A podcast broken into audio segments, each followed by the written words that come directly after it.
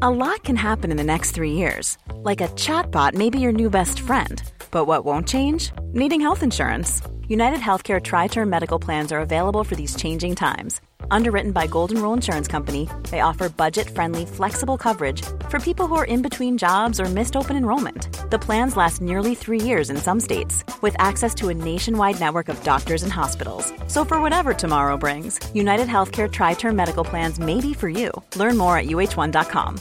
Botox Cosmetic, out of botulinum toxin A, FDA approved for over 20 years. So, talk to your specialist to see if Botox Cosmetic is right for you.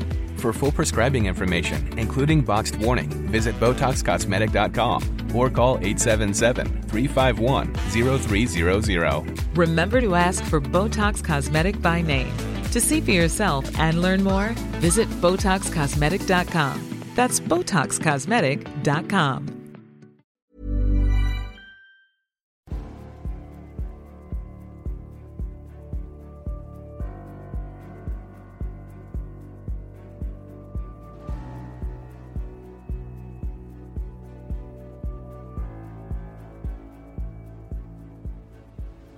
Du lyssnar på podcasten Samtal, en podcast med fokus på fria samtal.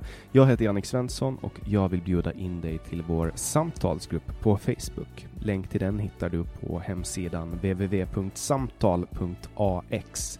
Jag blir också superglad om du vill vara med och hjälpa att stödja det här projektet. Det kan du göra på www.patreon.com samtal eller genom att swisha mig på nummer 070-3522 472. Länkar och nummer hittar du på hemsidan www.samtal.ax. Jag släpper nya samtal varje onsdag året runt och tar tacksamt emot tips ifall det finns någon du vill höra i podden. Idén bakom podden är att fokusera på fria samtal. Vi tror att öppenhet är grunden för det demokratiska samtalet och vill uppmuntra dig som lyssnar att exponera dig för samtal med någon du inte håller med om. Jag heter Jannik Svensson och du lyssnar på podcasten Samtal. Per Brinkemo är före detta journalist och numera författare. Efter nästan 20 år inom journalistkåren började han jobba med integrationsfrågor i en somalisk organisation i Malmö. Han föreläser i dagsläget för myndigheter om integration med fokus på klan och stat. Välkommen hit Per Brinkemo. Tack så mycket. Jag har ju inte jobbat som journalist nu på ganska länge, på några år, men jag kallar mig fortfarande journalist. Vad är det som har gjort att du har valt att lämna begreppet journalist bakom dig? Jag är lite kluven till det, men den, det primära skälet är att jag en journalist, en klassisk sådan, tycker inte saker utan eh, ska så långt det går vara objektiv skildrare. Och det försöker jag i och för sig fortfarande, men jag kan idag skriva debattartiklar och det jag är skolad i den traditionen att en journalist ska inte primärt tycka utan, eh, utan gestalta. Sen har jag nog väldigt mycket kvar av det i mig, att jag försöker att vara så deskriptiv som möjligt när jag skriver och när jag föreläser. Eh, men som sagt, det händer att jag tycker till saker och då är man inte journalist. Då har jag trätt ur den rollen. Och tyvärr blandas det ju ihop idag hej vilt mycket bland journalister. Men hur är det med opinionsbildning då? För att de flesta, eller inte de flesta, men en del av journalisterna som jobbar på olika redaktioner runt om i, i landet, i Sverige och i Finland, skriver ju också opinionstexter och hoppar in som ledarskribenter och så. Menar du att det är inte förenligt med journalistrollen? Nej, för mig, i min värld och så som det åtminstone var en gång i tiden, så är det en väldigt tydlig rågång mellan att vara eh, journalist och att vara till exempel ledarskribent som ledarskribent har du som uppgift att tycka saker och driva en tes. Däremot kan du använda journalistiska metoder i din research för din ledartext. Eh, men jag vet att många ledarskribenter idag säger att de är ledarjournalister. Ehm, jag tycker att det förvirrar för att det, är en sån sammanblandning mellan de olika rollerna och det blir väldigt eh, förvirrande för mediekonsumenter. Jag tycker mm. inte det är bra. Det är därför man nu måste säga att det här är en åsiktsartikel, det här är en, en, en tyckare, det behöver inte stå för vad tidningen står. Men alltså det, sånt där var ganska givet förut. Mm. Um, och det där är ju också någonting som uh, alltså som, som jag funderar lite på när det kommer till ledarskribenter nu för tiden, för att nu är ju en ledarskribent en person som jobbar på en tidning och får betalt för att tycka saker. Uh, sen finns det ju tiotusentals människor som sitter på Facebook och tycker saker gratis. Men vad är skillnaden egentligen? Förhoppningsvis borde det åtminstone vara så att de som skriver på ledarsidor är, är ännu mer pålästa eftersom de har betalt och därför kan lägga ner mer tid. Men ett intressant skifte som har skett, som jag tycker är otroligt intressant, att under en period har jag tyckt, och många med mig, att journalistkåren inte riktigt granskade allting förutsättningslöst. Då kom ledarskribenterna att i mångt och mycket ta journalisternas uppdrag och bedrev verkligen journalistik. Men så kom de ju med en tes då eh, därefter.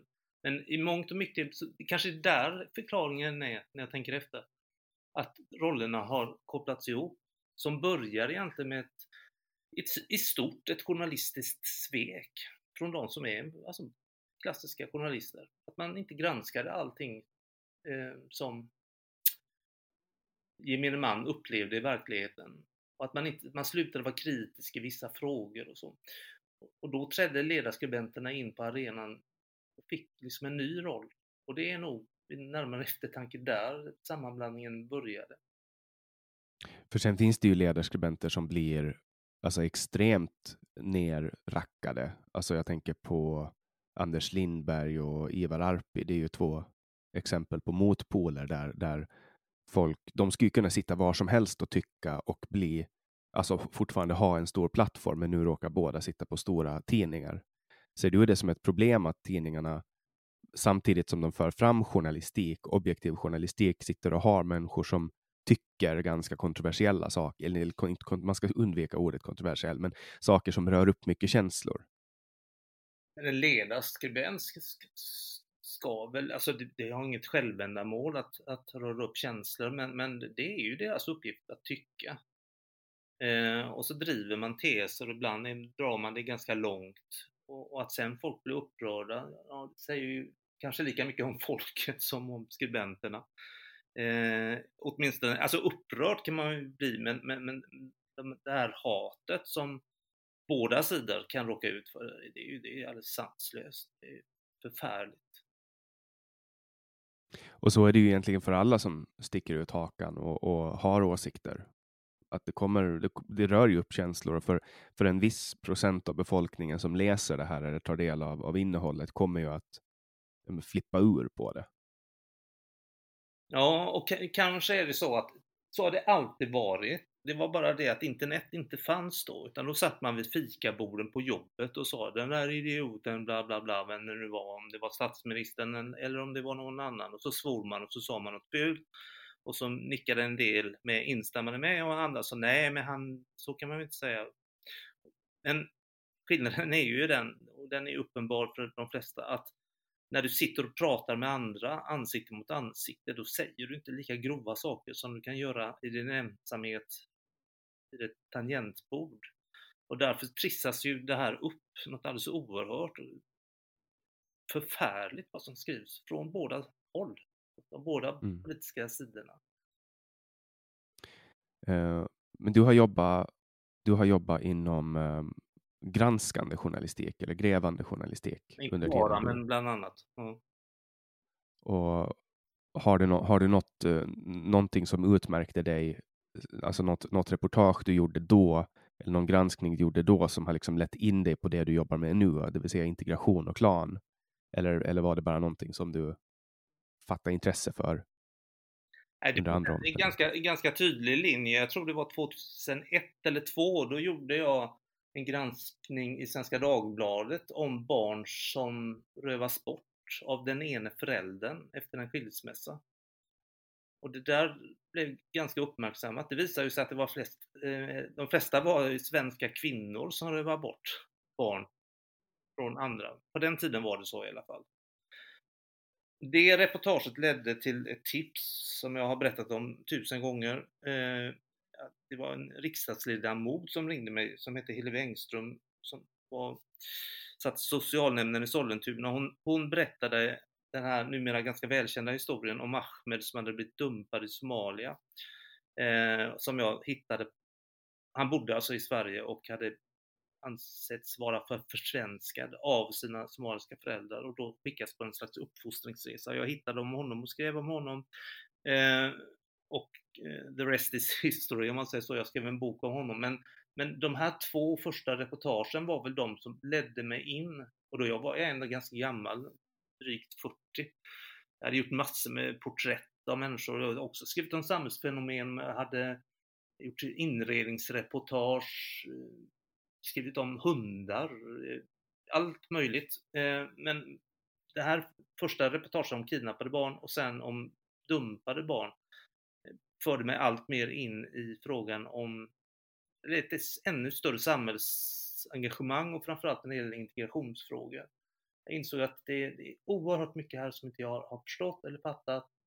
Och det ledde mig också till att börja jobba till, på Uppdrag granskning där jag gjorde program om alltså parallellfall till den här unge killen Ahmed. Alltså andra barn som var dumpade i utlandet av föräldrarna, skickade på uppfostringsresor.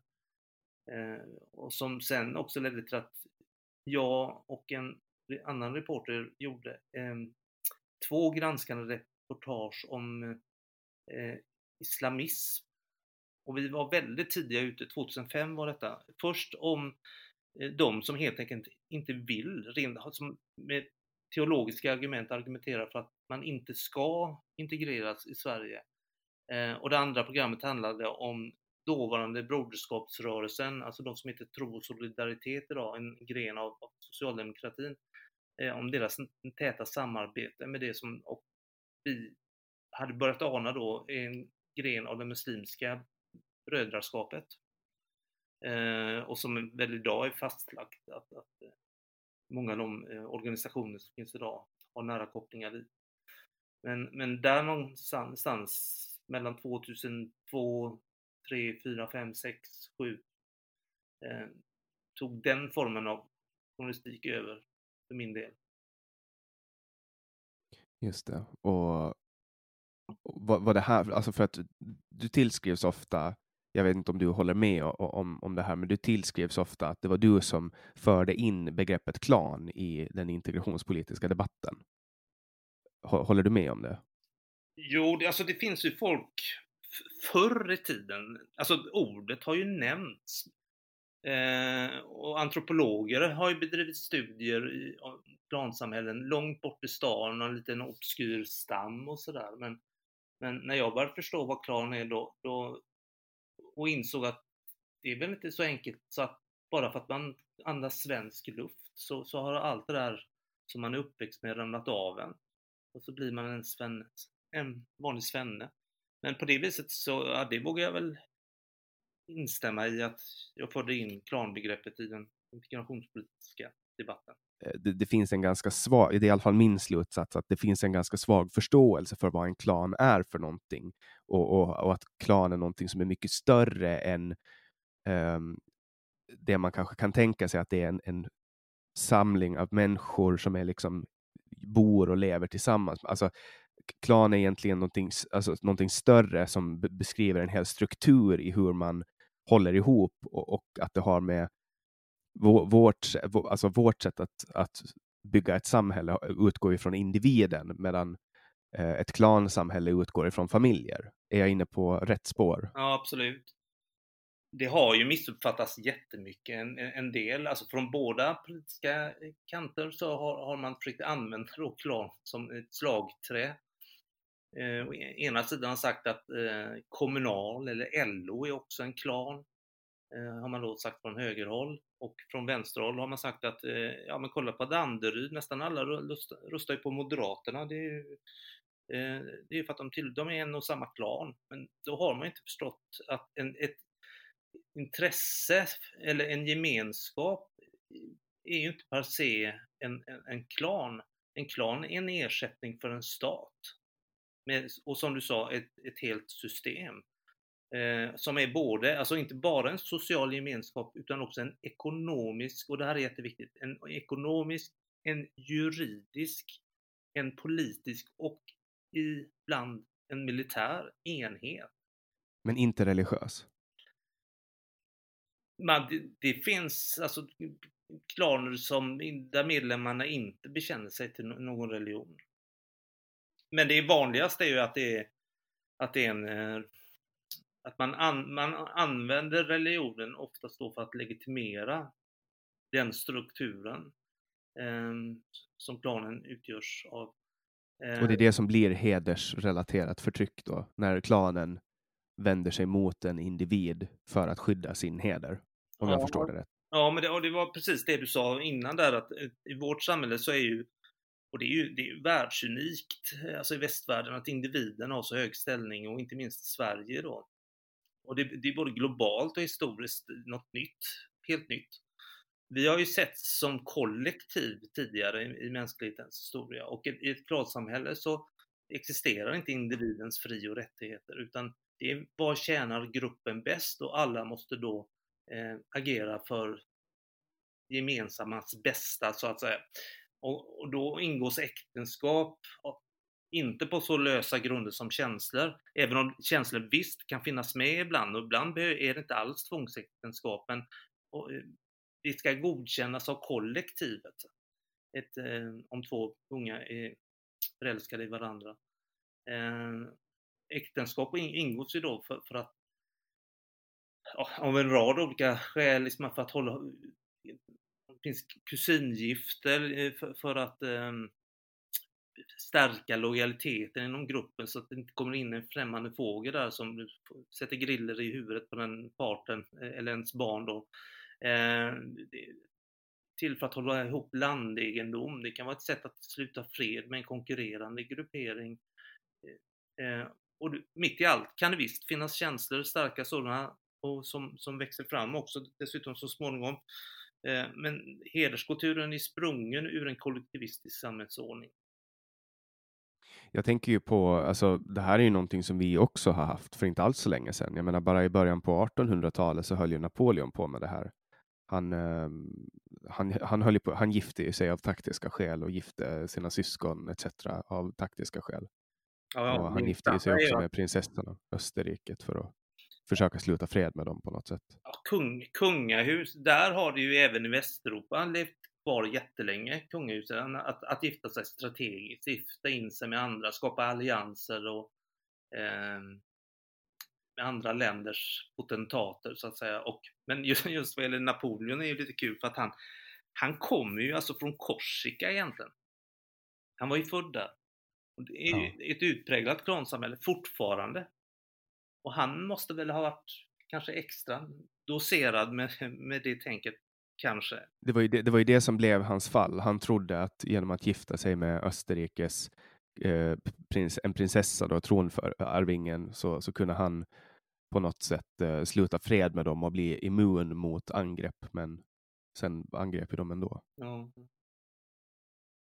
Jag, jag är in, att, inte för, alltför säker på hela hans historia, men eh, jag vågar inte uttala mig så mycket om det, just det. Men jag kan känna igen mycket. Jag, jag har läst mycket om, om Napoleon. Mm. Han, jag, det bara liksom eh, fascinerar mig hur, hur det ändå är så nära in på modern tid och hur han kunde liksom hålla på på det sättet han gjorde. Mm. Um, men han hade ett väldigt präglat uh, sätt att, att uh, tänka just från den här klanstrukturen som han kommer ifrån, då, alltså Korsika. Mm. Uh, och för honom, han satt ju, även om, även om det var ett, en dålig sak att göra, så kunde han sätta sin bror som kung i Spanien. Liksom. Ja.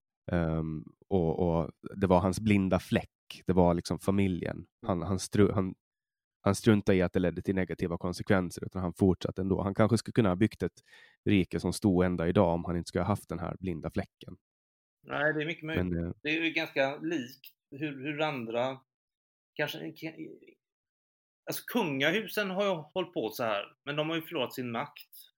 In, inom politiken har det inte varit lika vanligt, men annars är, annars är det ju en väldigt, det är en så fruktansvärt ursprunglig, för att inte säga naturlig, sätt att, att äh, arrangera, alltså gifta ihop sig med, alltså om, du, du, har en, du är fattig bonde och så, och så har du en fruktansvärt vacker dotter så ökar plötsligt chansen för att tänk om jag kan ju gifta bort henne till en, till en rike bonde som har en son. Eh, och bara på grund av att hon är så vacker så, så, så uppnår man ju kanske bättre skydd eller till och med bättre ekonomi och sådär. Det, det är väldigt, så har ju äktenskap nästan alltid gått till.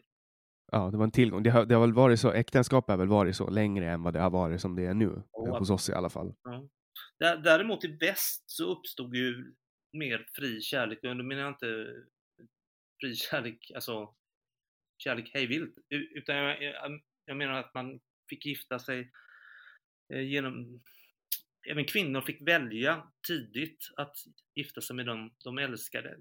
Det, det utmärker väst, framförallt eh, den delen av väst som, där den romersk-katolska kyrkan varit stark.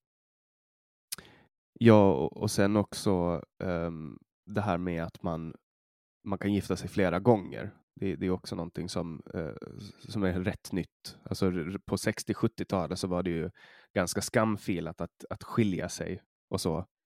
Um, men, men, samtidigt så kan man ju fortfarande än idag få konsekvenser, kanske värre då på 50, 60, 70-talet.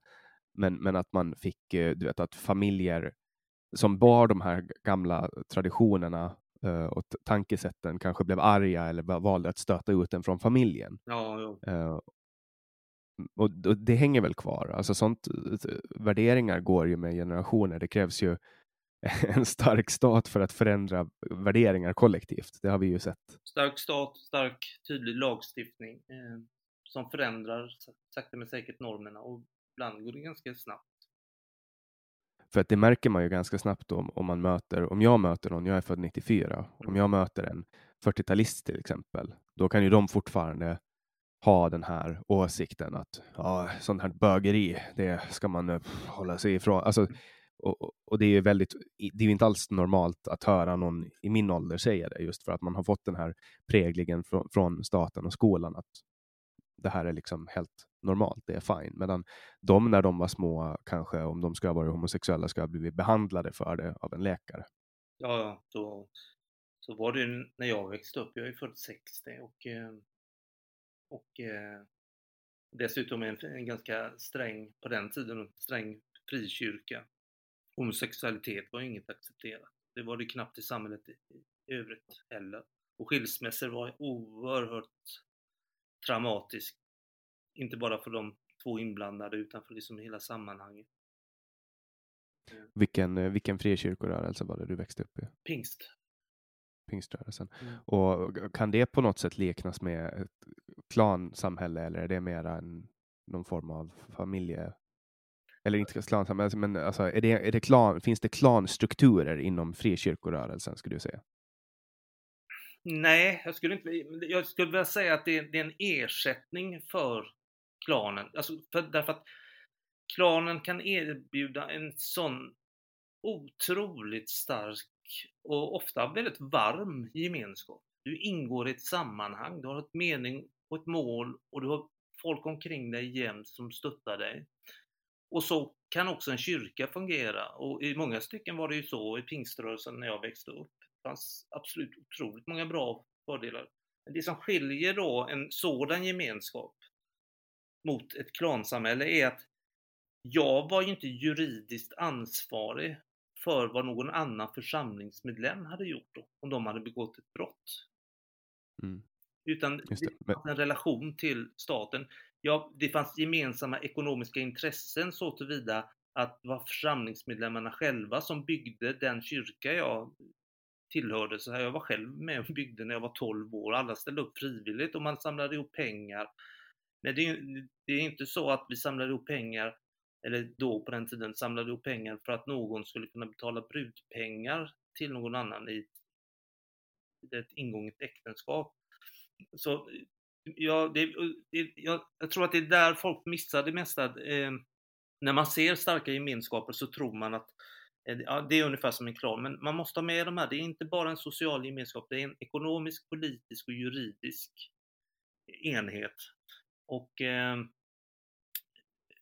man äger, vi ägde ju inte saker kollektivt. Alla familjer i, i kyrkan hade ju sin egen ekonomi. Det var bara det att det var påbjudet eller önskvärt att man skulle betala 10% tionde i kollekt på söndagarna Eh, men det var ju ingen som gick runt och kollade om det verkligen gjordes. Men det uppmanades till det. Och det är klart att den Mm. sociala pressen kan vara stor, va? men sen hade ju var och en sin helt egna ekonomi. Och det är inte lika givet eller alls givet i ett klansamhälle där resurser hela tiden slussas. Sen kan det lö- lösas det ju upp många, många delar när man kommer till ett land som Sverige. Eh, Men i ett utpräglat klansamhälle så äger du i princip ingenting på egen hand, utan kollektivt. Så vad, vad var är den största kollisionen som sker när en familj då flyttar till till exempel Sverige som är ett av världens mest individualistiska länder och, och har med sig den här klanstrukturen? Det är ingenting som man släpper på Arlanda antar jag, utan det här är någonting som man fortsätter ha och försöka förvara. Ja, det, det är på samma sätt som när man, jag har precis, vår familj har precis bott ett år i, i, Fran, i Spanien, heter det, i Madrid. Eh, och det, det krävdes ju långt mer än ett år för att vi skulle överhuvudtaget känna oss som spanjorer för att vi var där. Så vi, Ikea var ju högtidsstunden när vi åkte dit, alltså, som ligger, låg någon mil från där vi bodde. Det var ju liksom helt fantastiskt. Och det, det där är ju ganska välkänt att man plötsligt börjar folk gå i Svenska kyrkan bara för att de är utomlands. Eh, man, man, man söker sig till det man känner igen och man bevarar sina egna, eller det man är socialiserad in i. Många av de som kommer till Sverige, de integreras väl. Det är inga problem. Och, och, och det är jättebra, det finns ingenting att säga då. Det finns massor med grejer man kan behålla av sin ursprungskultur, men man kan, ska ju inte tro att det där är enkelt. Eh, allt för många behåller delar av en tradition som faktiskt strider mot svensk lag. Ja, alltså, och där måste ju en assimilering ske, alltså när det kommer till månggifte eller barnäktenskap eller, uh, barnaga eller, eller så. Då, Ja, de, den delen måste ju assimileras. Men det, är, det är ju detta som är problemet när politiker alltid, de har sagt så att mångkultur är fantastiskt, det berikar ett samhälle. Ja, så det stämmer ju till viss del. Det kan vara oerhört berikande och fantastiskt och det kan vara katastrofalt. Problemet är ju att man inte har definierat vad är mångkultur? Vad är kultur överhuvudtaget? Och vad är berikning? Vad, vad sa du? Och vad är berikning? Alltså man kan ju alltså, ja, ja, det måste ju inte, vara, det måste inte per automatik vara någonting som är positivt. Nej. Kan ju jag. upp redan där, men det, det, det har ju inte gjorts när man har pratat om berikande kultur så brukar man ju då nästan bara stanna vid maträtter. Utan italienarna ja. hade vi inte haft pizza och utan ja, eller du vet, det libanesiska köket, är ju, det är ju fantastiskt, men det är ju, det är ju bara liksom, vad ska man säga, kosmetikan, det är ju det är bara på ytan. Det är underbart bra, men kultur är ju, är ju synen på kön, på eh, hur man, på familjen, synen på eh, myndigheter, tilliten till myndigheter. Det är, ja, ibland kan det till och med röra sig om rörelsemönster, det handlar om arbetsetik, det handlar om heder som betyder helt olika saker i olika delar av världen.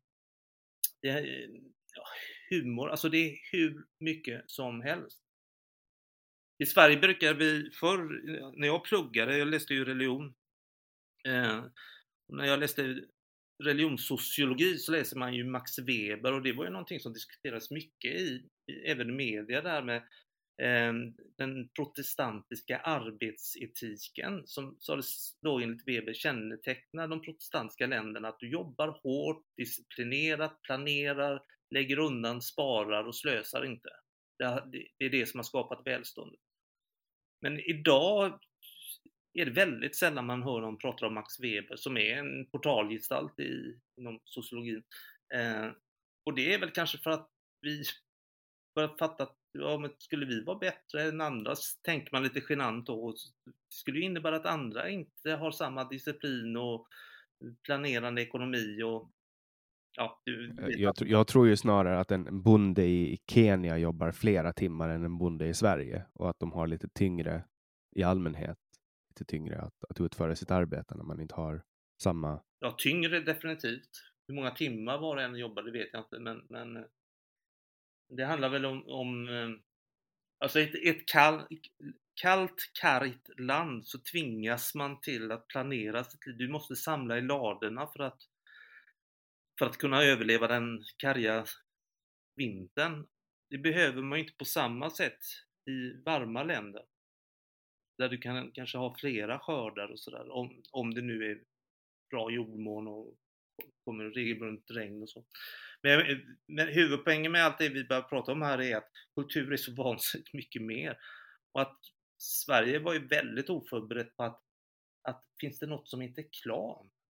Och vad är det? Och hederskultur. Hela, hela debatten när Fadime eh, sköts av sin far så var ju Sverige i chock och det blev ju sån diskussion om finns det någonting som heter hederskultur eller är det precis bara vanligt våld mot kvinnor? Eh, nu har det väl landat, eh, men, men det var som att vi togs på sängen. Att det finns, det finns traditioner och det finns kulturer och inte minst finns det väldigt olika samhällsorganisationsformer varav de två tydligaste då definitivt är statsamhällen och plansamhällen. Individualistiska kontra kollektivistiska samhällen. Mm. Ja, eh, och sen också att alltså Fadime, det var väl i början på 2000-talet som hon blev skjuten? Mm, 2002 tror jag det var. Mm. Och det är snart 20 år sedan och ändå är det ganska, ändå är den här debatten ganska nyvaken. Alltså som, det var inte alls länge sedan som eh, um, Stefan Löfven pratade om hedersförtryck, som han sa, så kallat så hedersförtryck. Han, ville liksom, han ville inte ens ta det i ordet i munnen. Och även om man inte ser det rent konkret bokstavligt så får man känslan av att han rodnar när han säger det. Att nu sa jag det! Ungefär så här. Och man måste då lägga till så kallad hederskultur. Ja. och en annan sak som jag tänker på, det var när Cinciana Ravini recenserade din bok på Aftonbladets kultursidor. Då, då liksom gick hon ganska hårt ut och bara du vet, satte en rasiststämpel på dig. Ja, ah, du är rasist. Han är rasist. Mm. Och, och så använder hon till exempel eh, nationalistiska rörelser och Hells Angels och högerextremistiska grupperingar som exempel på klan. Alltså hon missar ju hela poängen med boken. Uh, och så gick hon ut och liksom satte en rasiststämpel på det. Hur kändes det för dig att, att liksom, du skriver en bok om klan och klansamhälle och, och det här gör du med bakgrund av att du har jobbat i flera år med integration uh, med somalier då i, i Malmö. Och sen får du rasiststämpeln från, från Sveriges största kulturredaktion. För det första så, så, så är det ju en, det är en antologi där, jag och och eh, Johan Lundberg är redaktörer. Men, men eftersom jag är så förknippad med, eh, med eh, ordet klan så, så det, blir det ju nästan alltid bara en debatt om mig. Ehm, men när hon skrev den så var det ju då var rubriken i papperstidningen Mumma för högerextremister. Ehm, och hon avslutade ju recensionen, den ändrades sen ehm, den rubrik. Nej, det gjorde den inte alls, för den var ju tryckt. Men det, det var också en helt galen rubrik i, i webbtidningen.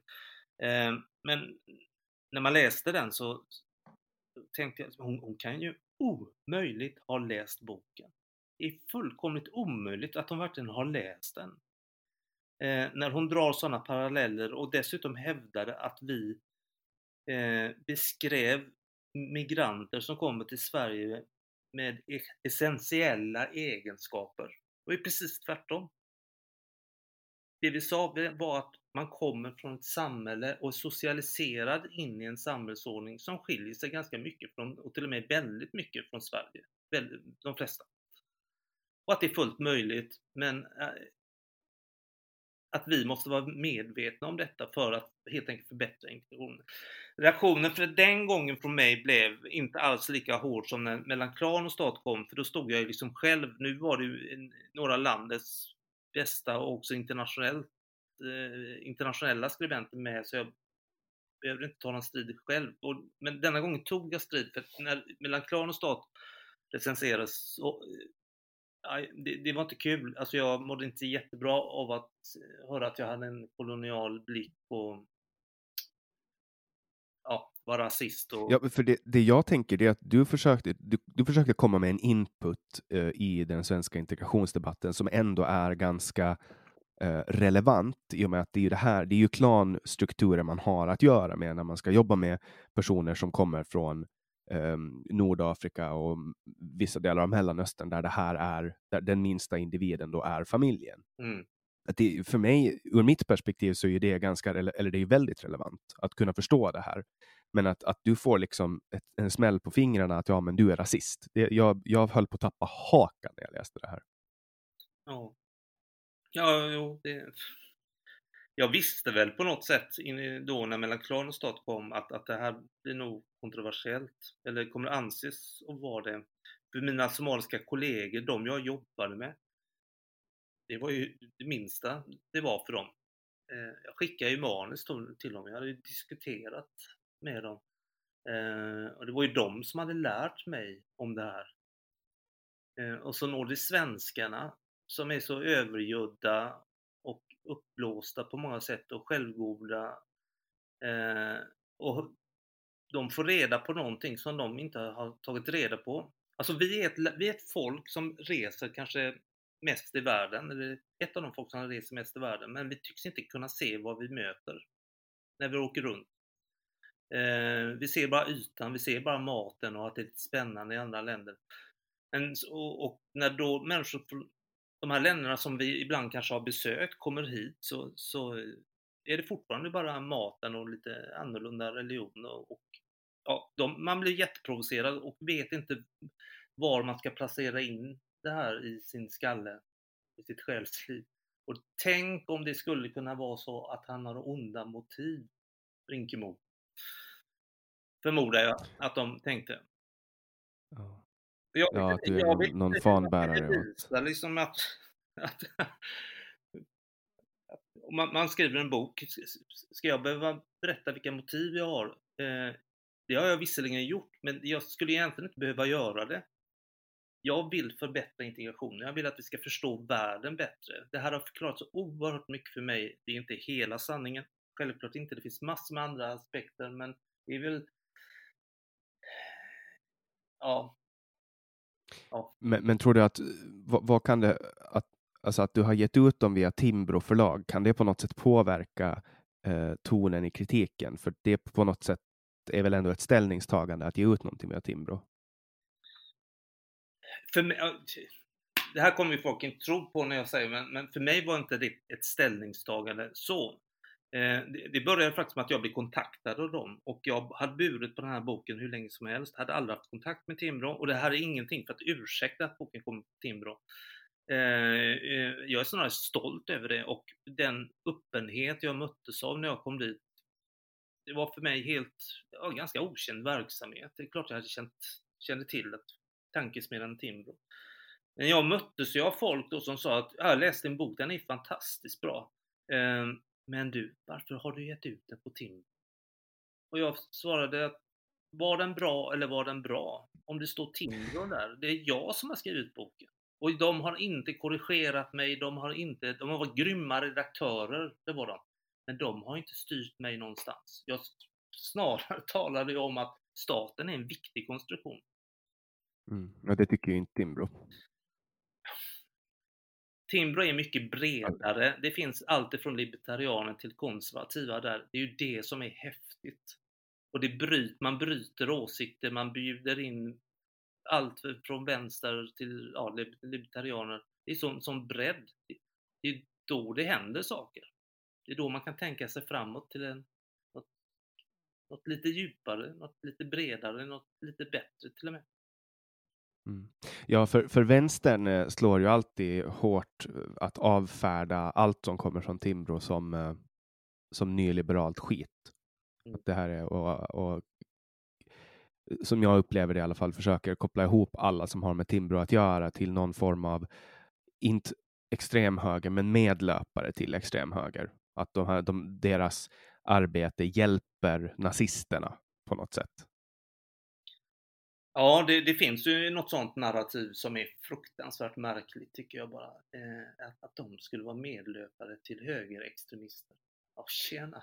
Är, är det några, eh, är det, det liberaler som ofta har stått upp just mot reaktionära krafter. Eh, och framförallt vi, vi, vi som tror på det öppna samtalet, det fria samtalet, det sökande samtalet. Vi kan ju inte annat bara än glädjas åt att, öppen, att det är så brett åsikts, eller bred åsiktstolerans på ett ställe på Timbro. De bjuder ju in även, de har ju massa olika eh, verksamheter där och där är ju, alltså he, hela skalan är där, alltså från långt ut på vänsterkanten till sossar och, och ja. Ja, Mira Åbäck Öhrman som, som, eh, som jag spelade in med för några veckor sedan, hon har ju varit med och gett ut en antologi genom Timbro. Um, men, men jag, jag, tycker att det är spännande att, att göra det här mötet med dig för att du skrev en, um, en, debatt, en debattartikel och det var genom, genom Timbro. Uh, den hette Välkommen till värdegrundslandet. Och, och, när den här släpptes så var det en ganska, en ganska kall och uh, avhyvling av svenska självbilden.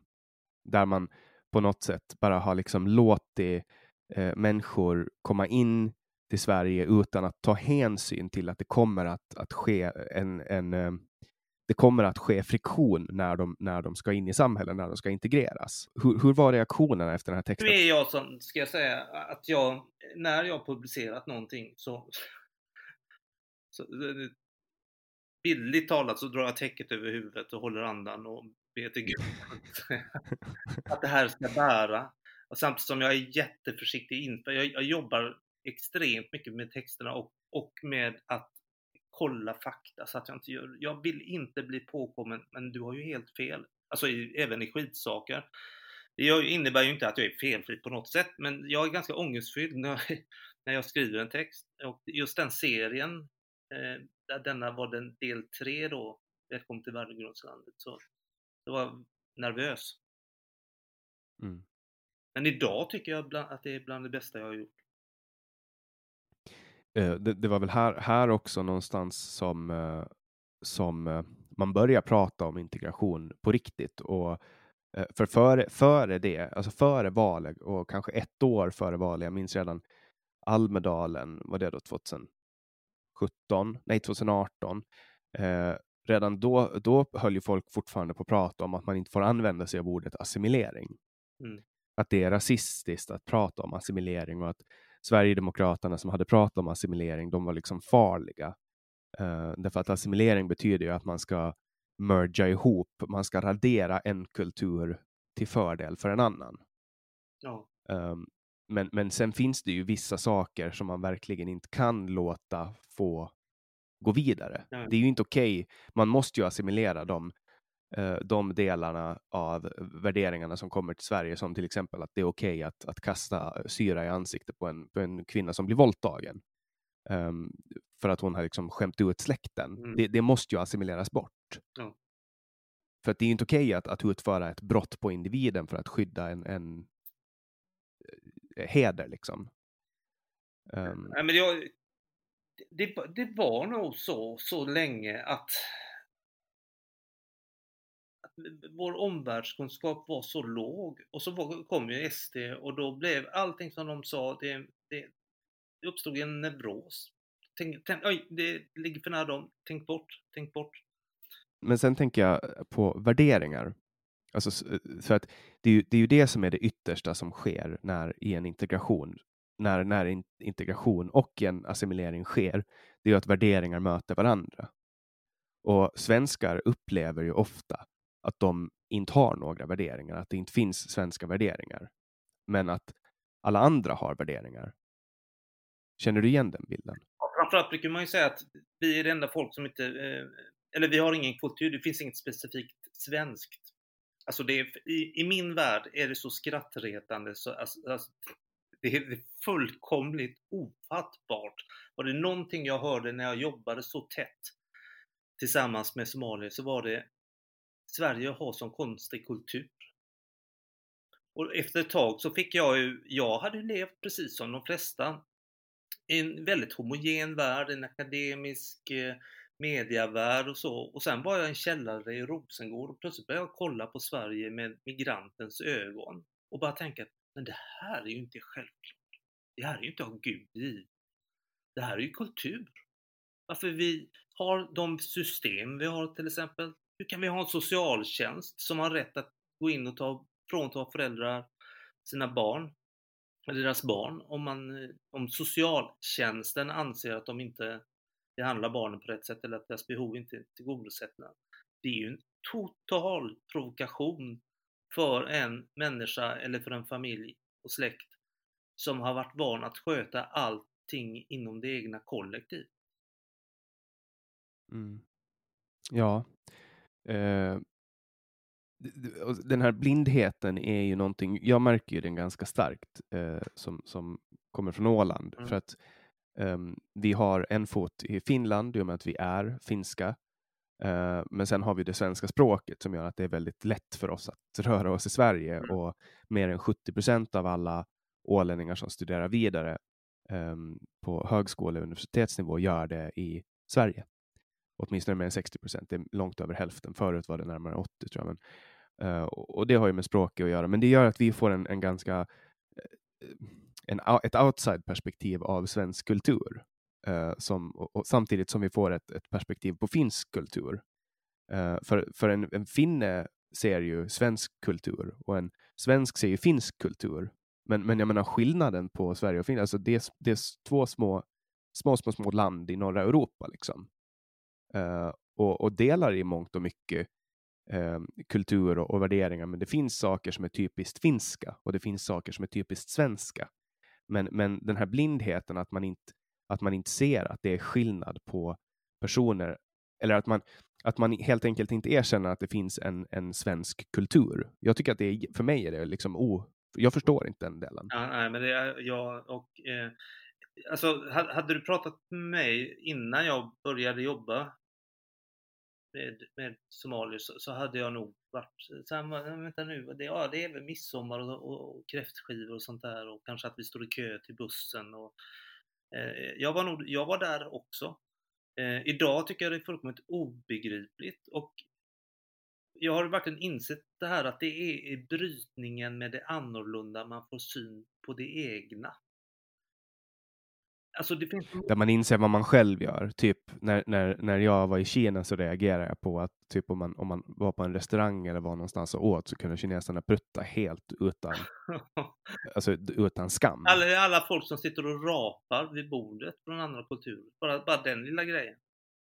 Ja. Eh, de, de som har hävdat, jag, jag gjorde någon, något inlägg på, på Facebook för ja, två, tre år sedan, det var väl kanske samma med detta, liksom, när man hävdar att vi har inget speciellt eget, utan ja, vi är alla människor, vi är alla, men alla människor har lika värde och, eh, och så vidare. Så tog jag ett tankeexempel. Ponera att Kalle och Lisa Svensson flyttar ner till Jemen i fem år. När de bor för att jobba av något skäl. Eh,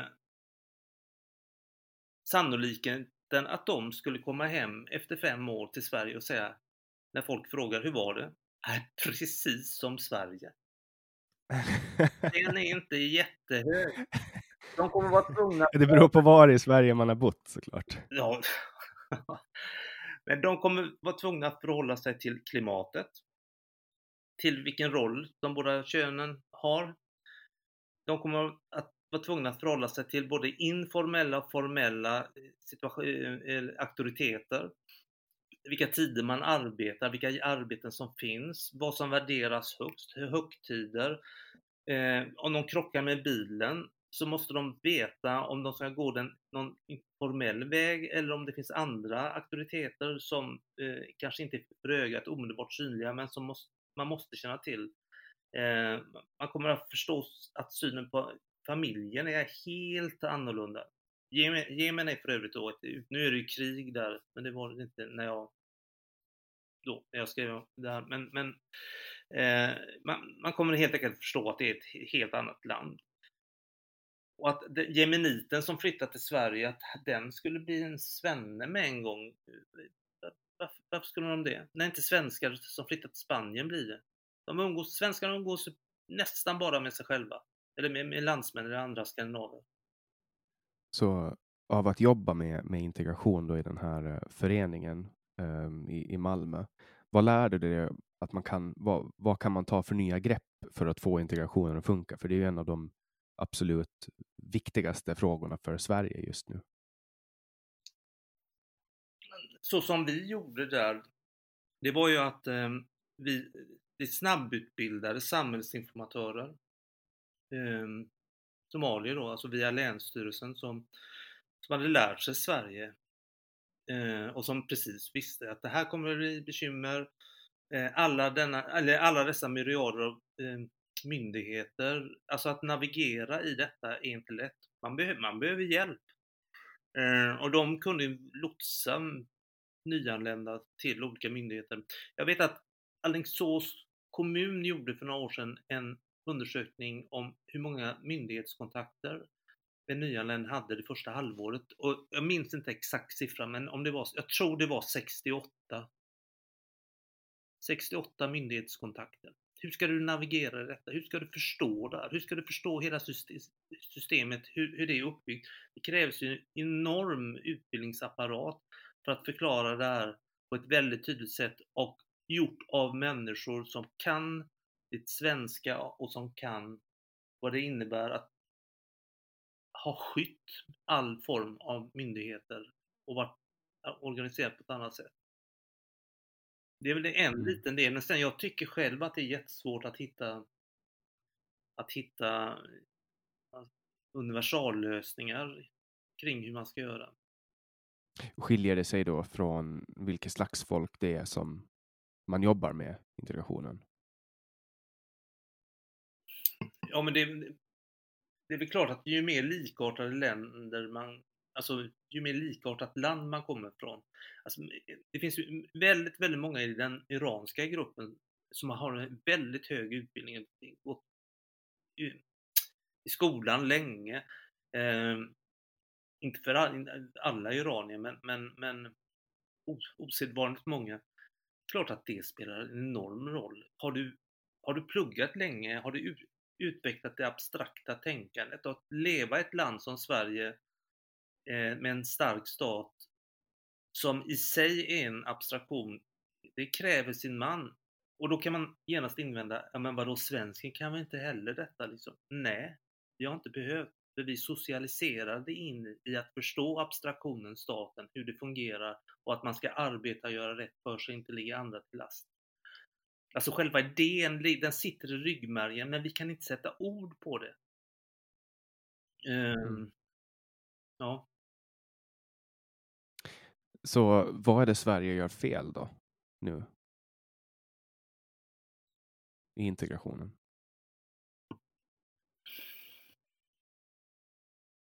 Vad gör Sverige för fel? Jag har... För no någonting, är ju, någonting är ju snett, alltså när man inte får det att funka. Jag har sagt vid flera tillfällen, och man måste nog börja där, att det där som för några år sedan, eller 2014, när Billström sa ordet volym, det spelar roll. Det spelar roll. Och det exemplet jag brukar ta, att det är om, om, om en familj flyttar till Laholm eh, så kommer de förr eller senare eh, att slukas upp av lokalsamhällen barnen går i skola och föräldrarna kanske går med i någon förening och man går på SFI, alltså du vet sådär. De är helt enkelt tvungna att lära sig svenska och bara förstå det svenska. Men skulle 2, 3, 400 irakiska familjer komma till Laholm ja då är det plötsligt fullt möjligt att upprätthålla hederskultur. Du har många ögon på dig som ung flicka eller ung pojke.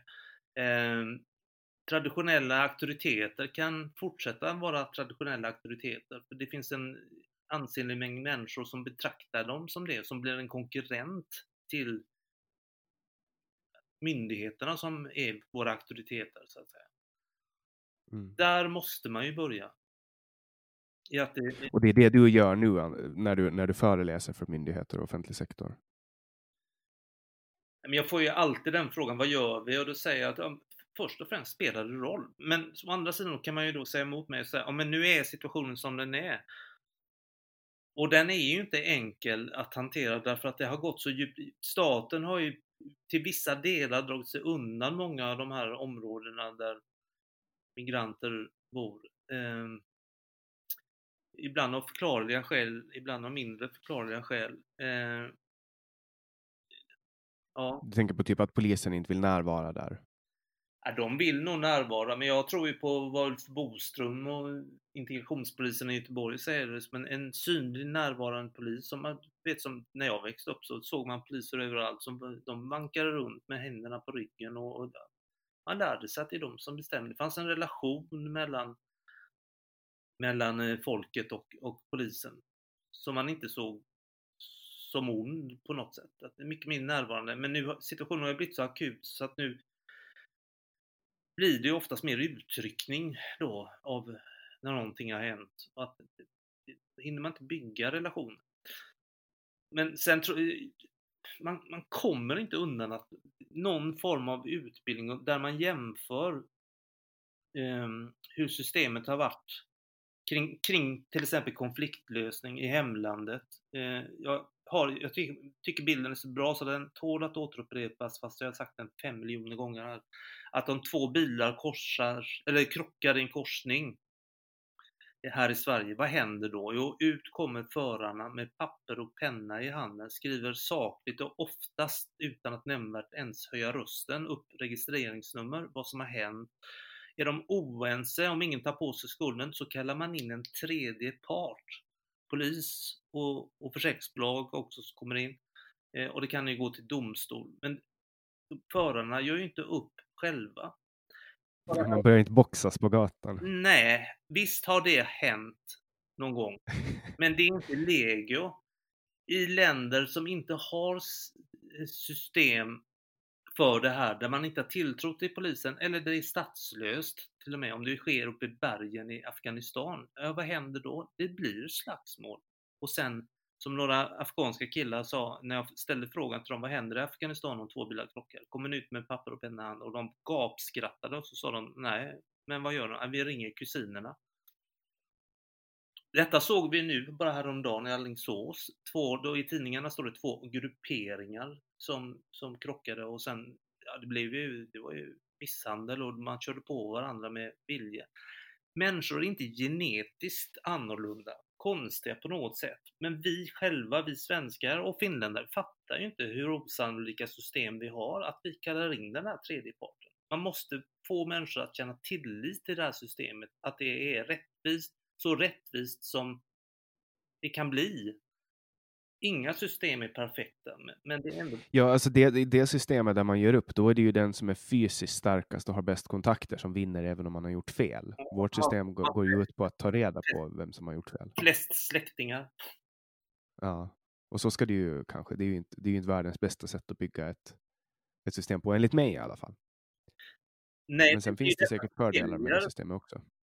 Det är ju detta som skiljer framgångsrika länder, eh, eller en av faktorerna i alla fall. Jag var i Palestina för ett år sedan och intervjuade bland annat, eh, ja, lite folk, bland en palestinsk kvinna. Jag frågade henne hur, vad händer när två bilar krockar?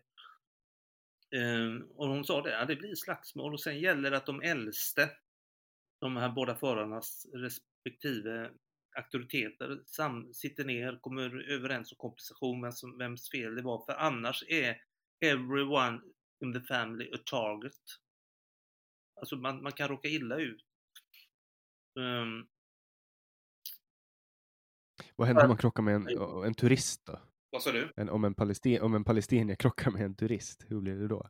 Ska man ringa ner alla sina släktingar? Men eh, någon, någon jag, Palestina eh, vågar jag inte säga, men jag har ju hört när jag dragit det här exemplet så har jag hört från men, svenska republiken som sagt att sånt här hände i något land, jag, jag tror det var Västafrika någonstans, och så där var rådet bara stick från platsen. Du kan få en lynchmobb på dig.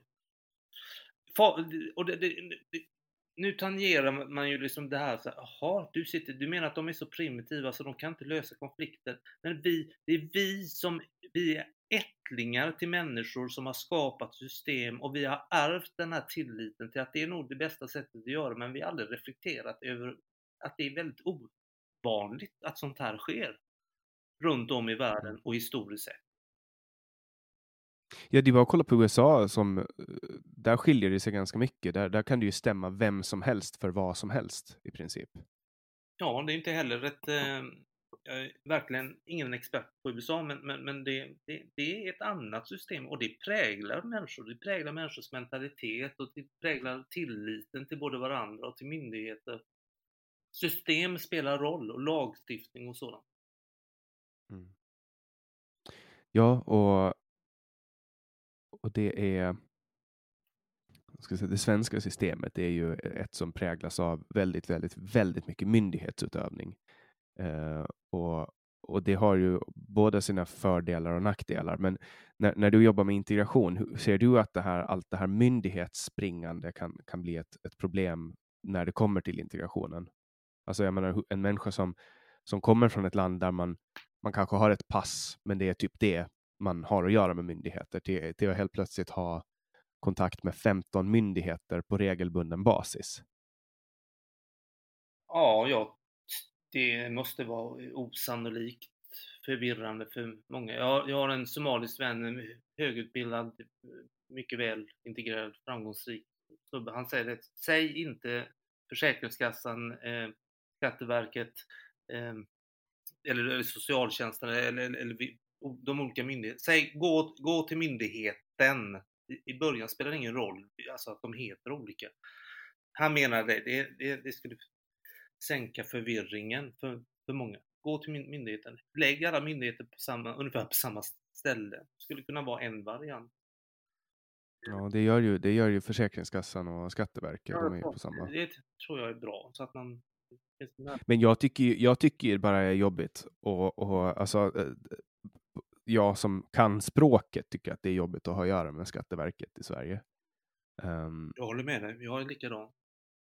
Och jag menar, alltså, om man ska läsa ett beslut från, från Skatteverket också så använder de som högtravande svenska som det, det, är så onödigt språkbruk tycker jag. Ja, ja, ja. Det, detta myndighetsspråk, det är, det är förfärligt. Jag, jag, jag, när jag får något sånt, jag sitter och läser och tänker så här, jag är författare, jag lever på ord, både skriftligt och muntligt. Jag, kan, jag begriper inte vad som står. Jag var in till Skatteverket i våras och eh, folkbokförde mig i Västervik. Och då fick man stå i kö, det var ju corona, så stå i kö. Um, jag hade passet med mig och jag hade mitt svenska ID-kort med mig som jag har fått utfärdat av Skatteverket. Och så ska jag skriva mig och så kommer jag in och så fyller jag i den här blanketten och så visar jag upp mitt ID-kort och jag har passet och ID-kortet Både så frågar jag så här. Vill du se mitt pass också? Eller räcker det med mitt svenska ID-kort som ni har utfärdat? Så svarar handläggaren att ja, men det räcker med ID-kortet. Och sen eh, två veckor senare så fick jag hem ett brev där de har liksom ja, men på myndighet ska förklara att jag måste gå in och visa mitt pass.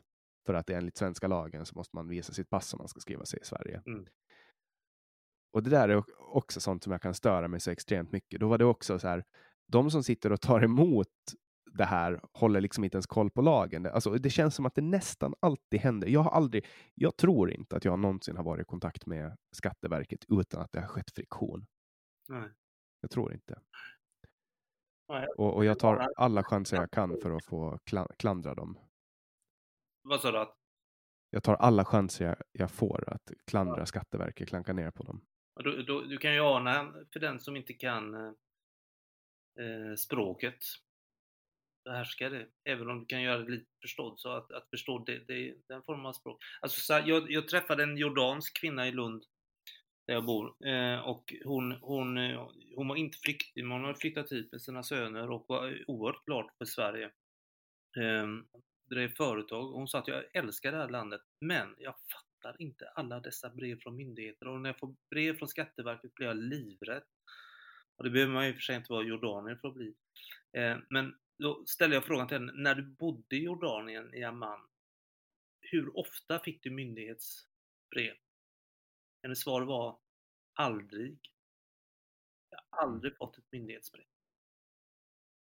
Jag kan ju bara ana den förvirringen. Och hon var då alltså akademiker, poet, författare, översättare, en högpresterande, begåvad kvinna. Mm. Ehm, jag ställde frågan till henne, hur, hur visste du hur du skulle betala skatt? Ja, men det hörde man, sa hon.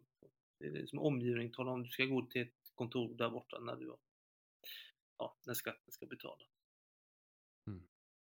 Ja, det där, och det där är när, jag, när, när man tänker på hur mycket brev de skickar ut Mm. i Sverige. Mm. Det är, jag, jag berättade om det någon gång i en, i en podd, tror jag. Eh, och det var att jag fick ett brev från, när jag fick ett samtal, jag bodde i Stockholm, och så fick jag ett samtal från någon som ringde. Ja, ah, hej, jag ringer från polisen här i Stockholm. Och vi, du behöver komma in till Kungsholmen för att vi, vi har ett ärende som behöver avslutas. Och så sa jag, okej, men kan du berätta vad, vad, vad handlar det om? Jag blir ju nojig liksom. Mm. Jag tänker att nu har jag gjort någonting, eller nu är det någonting som har hänt, att nu kanske ja, men min mamma är död eller någonting. Alltså förstår du? Att de, de ska... Och, och, så, sa- och så sa han, nej tyvärr, vi kan, inte, vi kan inte berätta vad det handlar om, du måste komma in. Och så sa jag, nej, jag tänker, jag tänker inte ta mig in till Kungsholmen nu, eh, om inte du kan berätta vad det handlar om. Mm. Och han bara, ja men jag kan enligt lagen inte berätta vad det handlar om, men då kommer vi till dig. Är du hemma? Så sa jag, jo, jag är hemma. Så sa de, ja men då kommer vi ut till dig. Håll dig hemma liksom. Och så kontrollerar de att det var rätt adress. Och då satt jag och kallsvettades och var så här, nu är det någonting som är illa liksom. Mm. Och efter någon timme så kommer det en gubbe och knackar på. Och, och så frågar han om han får kliva in innanför dörren och jag bara absolut, stick på, kom in. Och så sa han, började han läsa upp något papper för mig att vi har på Länsstyrelsens uppdrag ehm, eh, åtagit oss ett, hand, ett eh, ärende att, att ha- ge dig det här pappret. Börjar han läsa upp att delge någon delgivning av information och så måste jag skriva på ett papper förrän jag fick ta emot det här pappret. Och så fick jag ett papper från Ålands tingsrätt om att jag, skulle, att jag var inkallad till att vittna för något ärende. Eh, och, och då var det så här, så började jag ta reda på varför, varför tingsrätten i Finland, alltså på Åland, behövde ta handräckning av Länsstyrelsen i Sverige som i sin tur tog, tog hjälp av polisen för att ge mig ett papper. När de kan, alltså om det är någon, alltså om det är någon på tingsrätten i Mariehamn som sitter och vet att, att jag inte har svarat på mitt brev, för man ska bekräfta att, att man har fått det här brevet. Eh, för de hade skickat det till fel adress. De hade inte ens kollat upp, de hade skickat det till min gamla adress. Mm. Och då, då tänker jag så här, varför, varför ska de liksom ta den här myndighetsvägen när de kan googla mitt namn, ringa mig, för mitt, mitt nummer är offentligt, eller eh, skriva in min mailadress som också är helt offentlig. Istället för att liksom försöka skicka ett brev tre gånger till en gammal adress och sen ta en, en fucking poliskonstapel som ska komma och söka upp mig när de har fullt upp med massa annat viktigt. Det där tycker jag är, alltså sån där myndighetsutövning är bland det värsta jag vet. Och det är liksom vardagsmat i Sverige. Ja. Är, det, är det bättre i, i Finland? Alltså statliga myndigheter är, det är som att gå in på alltså en, en uh, kopparsmedja från medeltiden. Ja, men då. Och där, där tycker jag att sve- svenska myndigheter har kommit lite längre. Men sen har jag också, jag har ju som svenskspråkig i Finland så stöter ju hela tiden på det här med att det är svårt med ehm, finska, ehm, att det är finska på myndigheterna. Ja. tycker jag är jättekonstigt. Jag har ett roligt exempel, jag ska se om jag, om jag hittar det, jag twittrade om det. Min kompis som var in på tullen, vi måste ju tulla in saker till Åland. Och då, och, då- och då fick han så här, ehm, han skulle tulla in någonting då. Och, och så står det så här, kom upp en varningsruta. Detta är inte fallet i förevarande fall. Du kan åka till havet nu. och det är så här någon Google Translate som de bara har lagt in på tullens hemsida. Ja. Så det, är- det är sånt man stöter på. Därför tycker jag att svenska myndigheter är överlägsna. Just också att det finns bank-id och så vidare. Men så fort man måste ha en fysisk kontakt med en svensk myndighet så vill jag stoppa en dubbelpipig hagelbössa i munnen. Liksom. Uff. Ja. Så att Eh, eh, då ska vi se. Jag tänker att vi, att vi hoppar vidare lite. Nu har vi ju pratat ganska mycket om, om integration och klan och jag tycker att vi ändå har gjort vi har ju inte djupdykt i klanbegreppet, men jag upplever ändå att, att vi har avhandlat det ganska bra. Och jag spelade in en podd för cirka ett år sedan med en kille som heter Christian Wikström, en ålänning. Eh, han är numera infrastrukturminister här på Åland. Men han har jobbat med integration i en, en svensk kommun och han berättar liksom om ehm, på ett ganska beskrivande sätt hur man, hur man pratar. Han jobbar som, eh, han jobbar som chef på någon kommun då med integrationsfrågor. Och, och då förklarar han på ett beskrivande sätt hur, hur man bemöter någon eh, som, som lever i det här. Han skulle förklara då att för två föräldrar att en, en kille på, på ett boende då hade blivit sexuellt utnyttjad av flera äldre män. Eh, och så berättar han då hur han fick approacha familjen, att han absolut inte fick säga rakt ut att det här har skett med er pojke, utan han fick liksom åka dit och prata liksom runt det här därför att man måste bevara hedern. Men att de ändå på något sätt förstod eh, när man pratar indirekt, i indirekta termer. Mm. Och, och, jag kan tänka mig att det här skapar ganska mycket förvirring för de som ska jobba med människor från olika länder som inte har den här grundläggande förståelsen för hur man hur bemöter man människor från en annan kultur. Alltså vi kan ju bli ganska skrämda av vad ska jag ta för exempel? Det finns ju ja, men amerikaner till exempel. En amerikan i Sverige blir ju jätteförvirrad över att alla är så tystlåtna och liksom inte vill hålla på och hälsa och så. Ja. Och jag hade en eh, besök från USA nu i, i våras före corona och, och, han blev så här. Han blev helt slagen av att varje gång vi åkte och besökte någon så måste vi sitta ner och dricka kaffe. Ja. Han hade aldrig druckit så mycket kaffe. Det var så här, ja, det kommer in någon människa här i, i, vi kommer in i någons hus och det första de gör är att gå och sätta på kaffekokaren. Liksom. Men det, det är ju det är också sådana kulturella grejer. Vad sa du? Är inte det en universell sed? Ja, inte där han kom ifrån. Han var så här. Ja, nej, jag skämtar. Ja, nej men alltså de dricker ju kaffe i USA också, men, men, men eh, vi har ju någon form av, av religiös eh, samling kring kaffe. Ja, det är, Sen, det är mycket, det är, vi är väldigt religiösa i Sverige, fast vi är världens mest sekular, sekulariserade land. Ja. Eh, du skriver också mm. just i den här artikeln då, eller debattartikeln om, um, om hur Gud sitter och ler när han, när han ser hur, hur eh, världens mest sekulariserade land tar emot uh, djupt troende människor. Mm. Och den, den uh, liknelsen är ju ganska rolig för att det, det, är ju som du skriver där att Sverige är extremt sekulariserat och helt plötsligt så kommer det som att man tar ett hopp bakåt. För att samtidigt som man ska um, vara tolerant för alla människor och, och, och, så och låta alla kulturella och religiösa uttryck få komma fram så uppstår det ju ganska stora problem. Mm. Och, och det, är väl, det är väl det som, alltså sättet att hantera det här som har lett till att, tror jag, i alla fall att det finns en sån extrem polarisering i samhället just när det kommer till rasistdebatten. För att nu kastar man ju rasist på alla. Ja, det är det man tar. Jag förlåt. Det, det är det man tar till och det, det, det, är ungefär som att kasta en bandbulla som man gjorde, kyrkan gjorde förr på dem som tänkte eller sa fel. Vad är en bandbulla för Nej, men alltså, det, ja, men ska man säga en förbannelse eller alltså att, att man är förklarad eh, typ som en kättare. Eh, alltså det, be, bete... Eh, his, historien återupprepas aldrig, men människan består. Liknande fenomen som har funnits förut uppstår hela tiden, fast i ny förklädnad. Och det här är typexempel.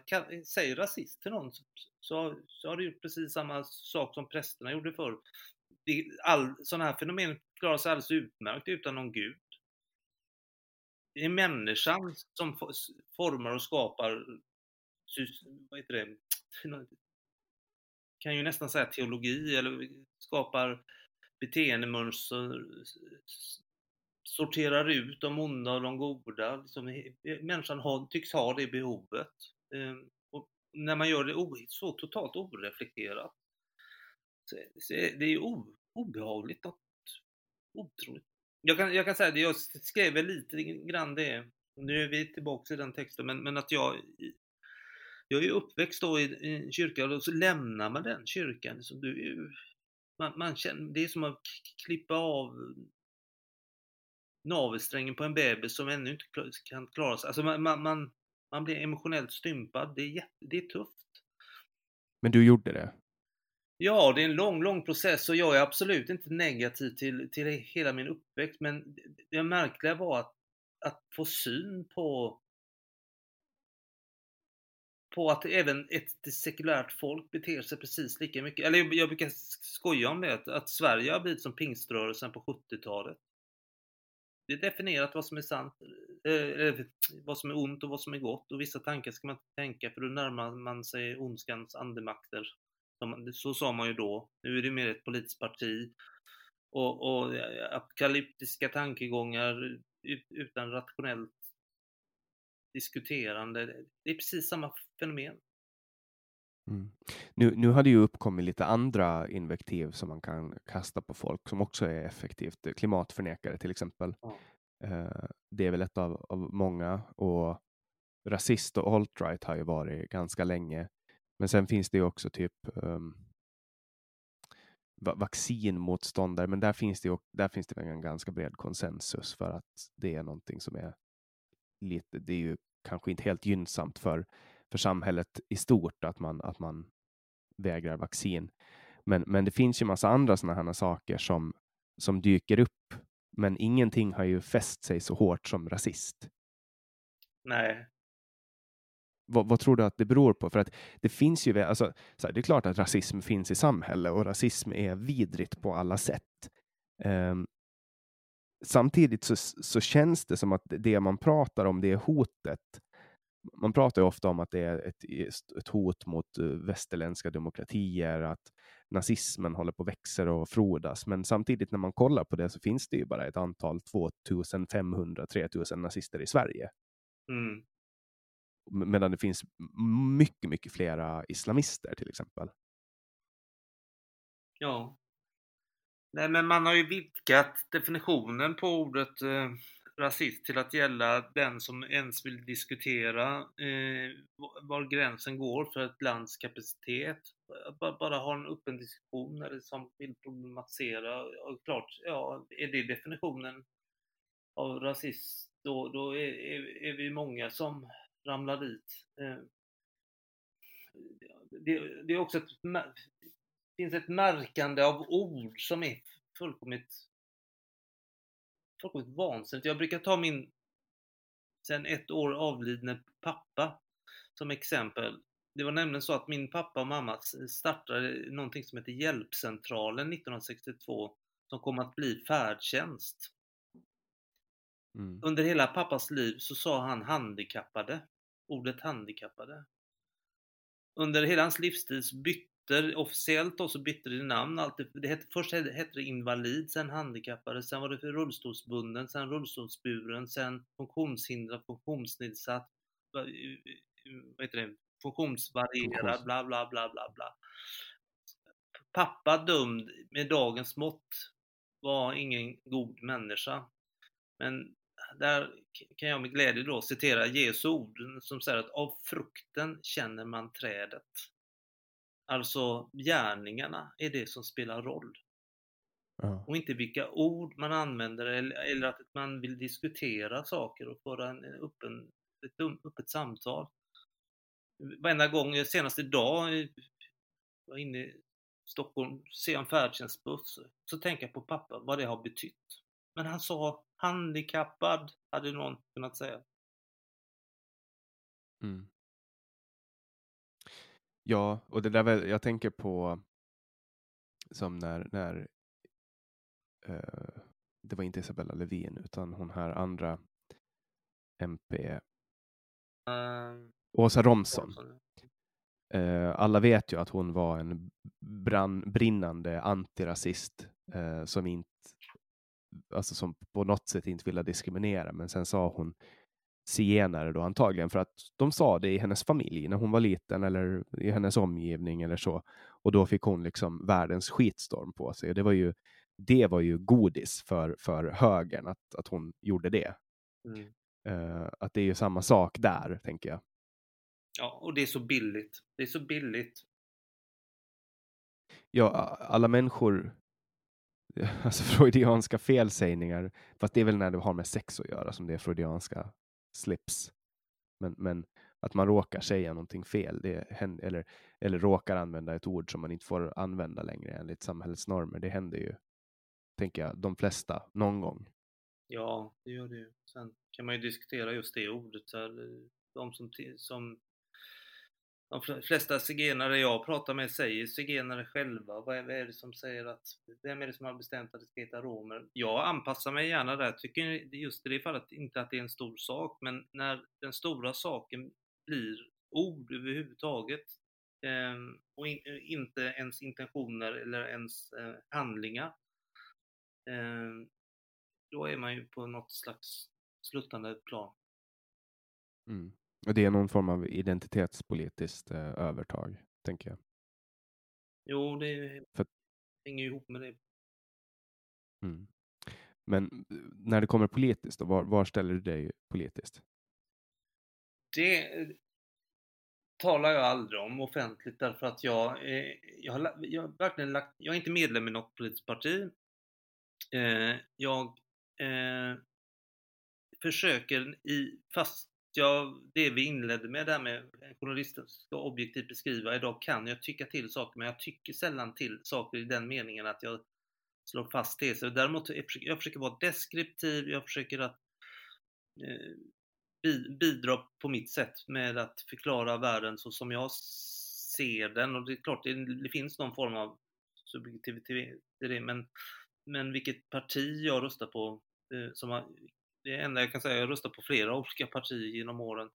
Eh, och detta också av eh, hänsyn, eller vad säger, omsorg om mig själv, så att säga, för att jag är jag har ingen politisk agenda på det viset. Jag jobbar åt myndigheter, föreläser för myndigheter och eh, jag vill inte vara förknippad. Nu, nu ligger det mig lite grann i fatet att två böcker har kommit ut på Timbro.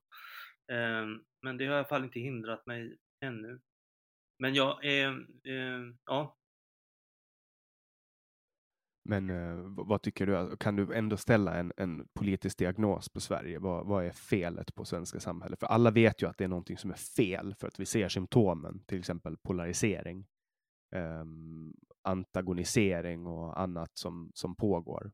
Men vad ska du ställa för diagnos på det politiska ja, men klimatet? En sak, alltså, jag, jag, är orolig såklart, som alla andra, för, för, att det finns islamister och terrorism.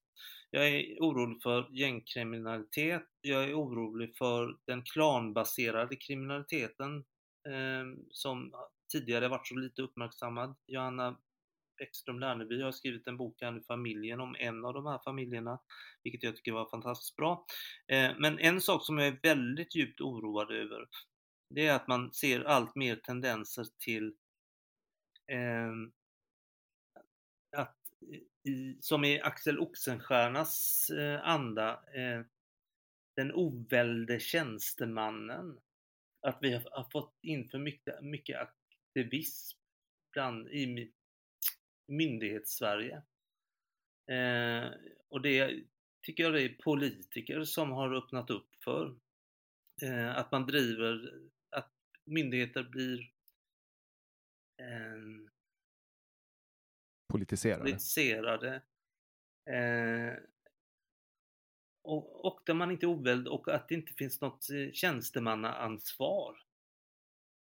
Mm. Att man kan inte, man, man kan komma undan med så otroligt märkliga saker. Eh, Men sen också att politiker kommer undan ja, med saker i Sverige. Jo. Det blev ju en det... issue med den här tyske journalisten på presskonferenserna från Folkhälsoinstitutet. han beter sig. Han ställde så kritiska frågor och han ställde om frågorna när han inte fick svar.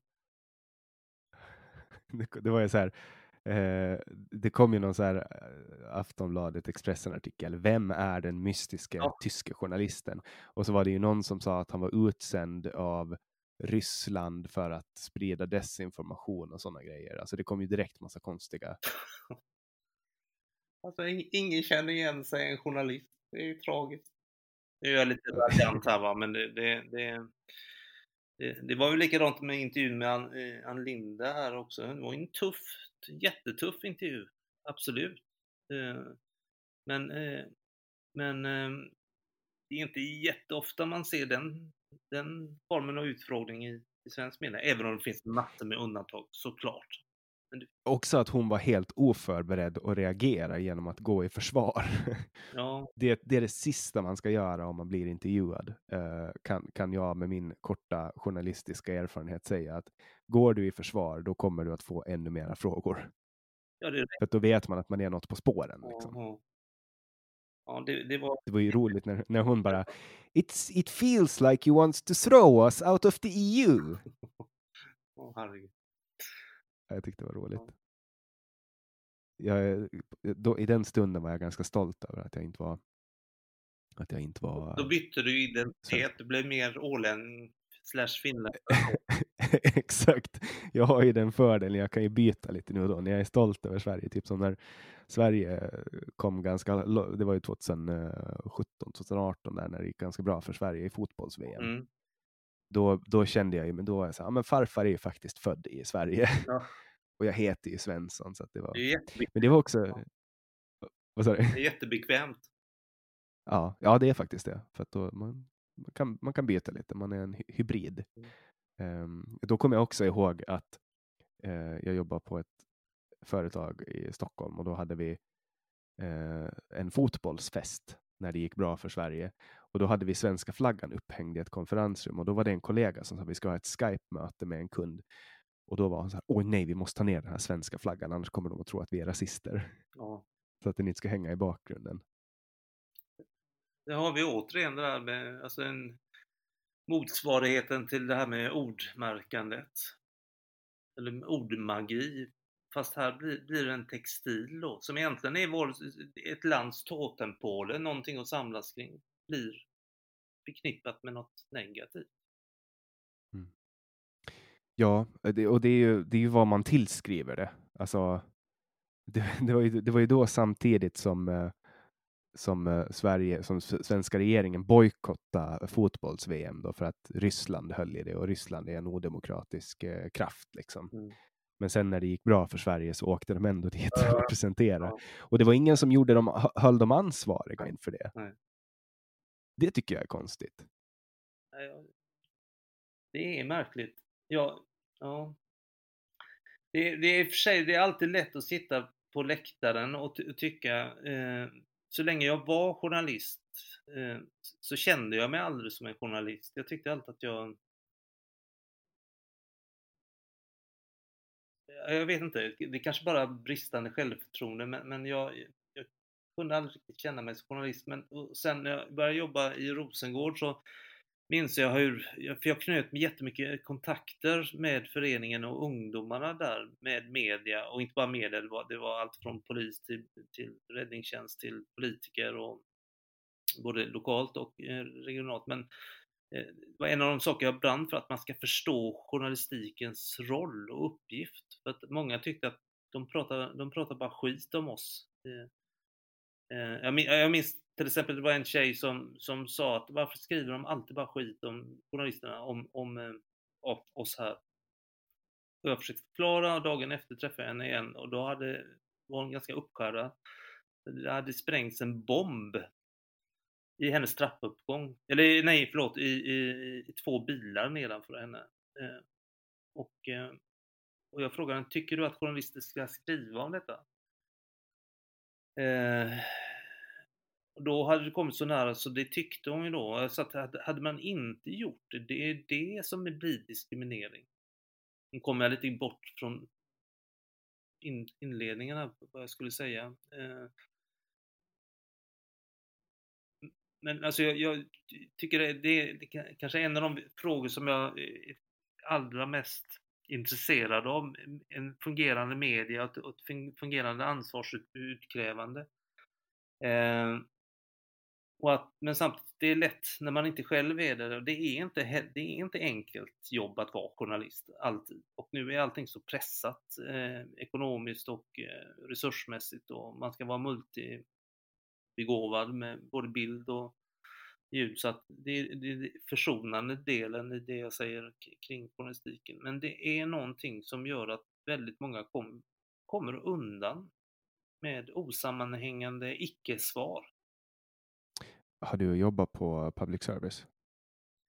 bara som inhyrd då för Uppdrag granskning och Dokument inifrån. Hur, eh, hur upplevde du att det var inne på public service? Om du jämför med de kommersiella redaktioner du har jobbat på. Alltså jag, jag var så lite på plats. Jag var ju uppe i Göteborg på redaktionen också i Malmö.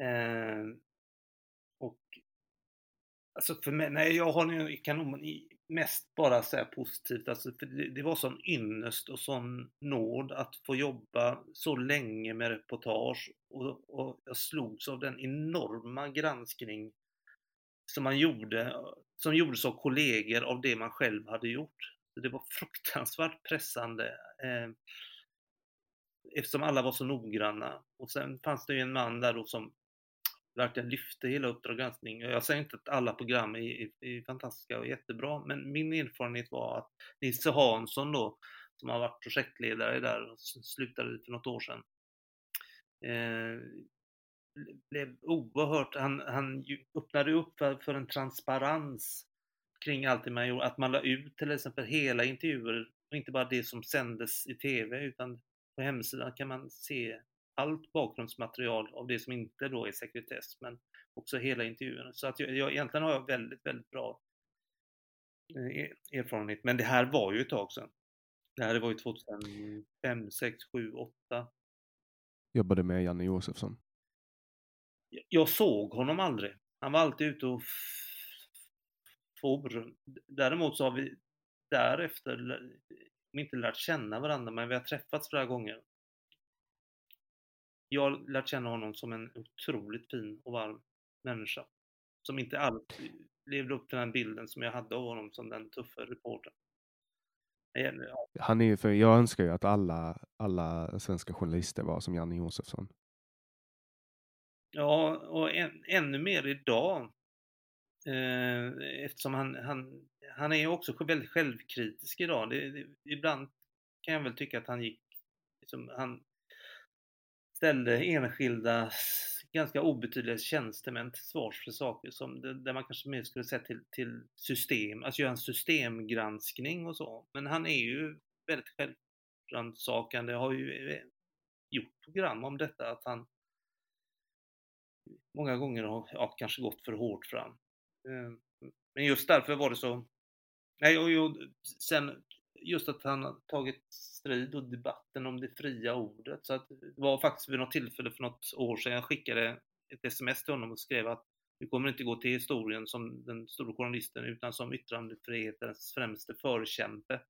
Och han liksom skrattade åt det, att det var lite roligt och även bra kanske. Eh, att han tog strid för det fria ordet och att vi måste kunna hitta vinklar åt alla möjliga håll, fram och baklänges. Så, nej, jag, mm. han är bra. Mm. Jag skulle gärna ha med honom i, i podden. Det skulle vara, han skulle vara en superrolig gäst att ha med. Han har ju varit med hos Navid. Navid Modin. Ja. Så att, det är ju inte helt omöjligt nu för att jag tror inte han jobbar lika mycket. Han skriver för DN och Sen har han säkert något projekt på gång här nu. Men... Mm. Du har också varit med hos Navid, eller? Ja, i en sån här eh, liknande intervju som vi gör nu och sen eh, en gång live. I Malmö, mm. den första live eh, live-eventet. Hur kan vi? Mm. I och med att jag har, jag har ju baserat den här podden på eh, Navids koncept och hur kan vi? Så att jag, får jobba ganska hårt med att inte återanvända hans eh, gäster. Eh, så att jag får liksom försöka hitta en balansgång där, hitta nya, men han, han har ju oftast varit och, och hitta de som är ja, men väldigt intressanta på, på många olika sätt. Vad, men, äh, du helst, eller kan du säga någon som är du väldigt, väldigt gärna skulle vilja ha, förutom Josefsson? Nej, det, är, det är Carl Bildt. Det, är, ja. det, har varit, det, det, har varit drömmen ända från att jag startade den här podden. Att det är min, när, när jag har haft med Carl Bildt, då kan jag avsluta det här projektet. Men före han har varit med, då kommer jag att fortsätta. Får vi hoppas på att, att han säger nej ett tag till då?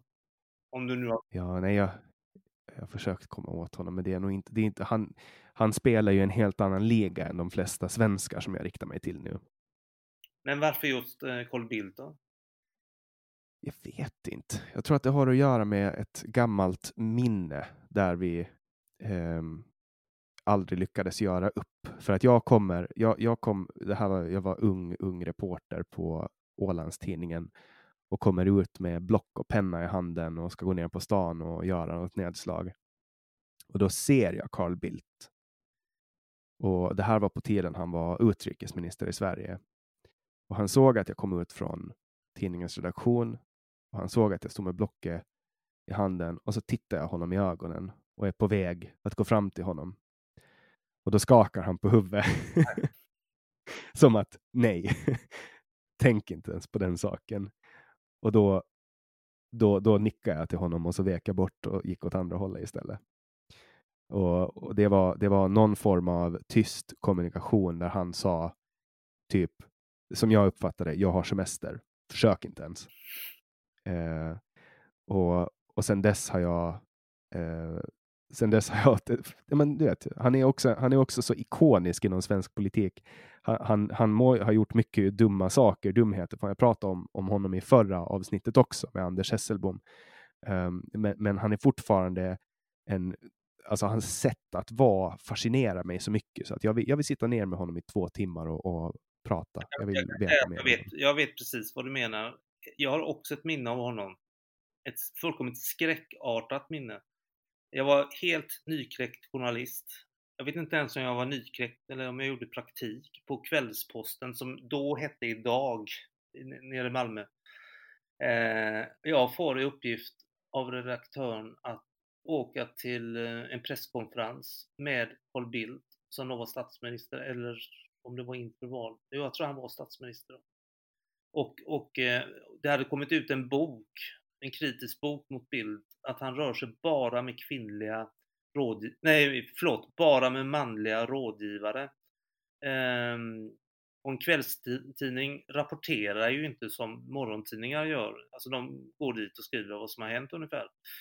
Väldigt förenklat. En kvällstidning försöker ju alltid hitta sin vinkel. Och mitt uppdrag blev att jag skulle åka dit och fråga honom varför han inte hade några kvinnliga rådgivare.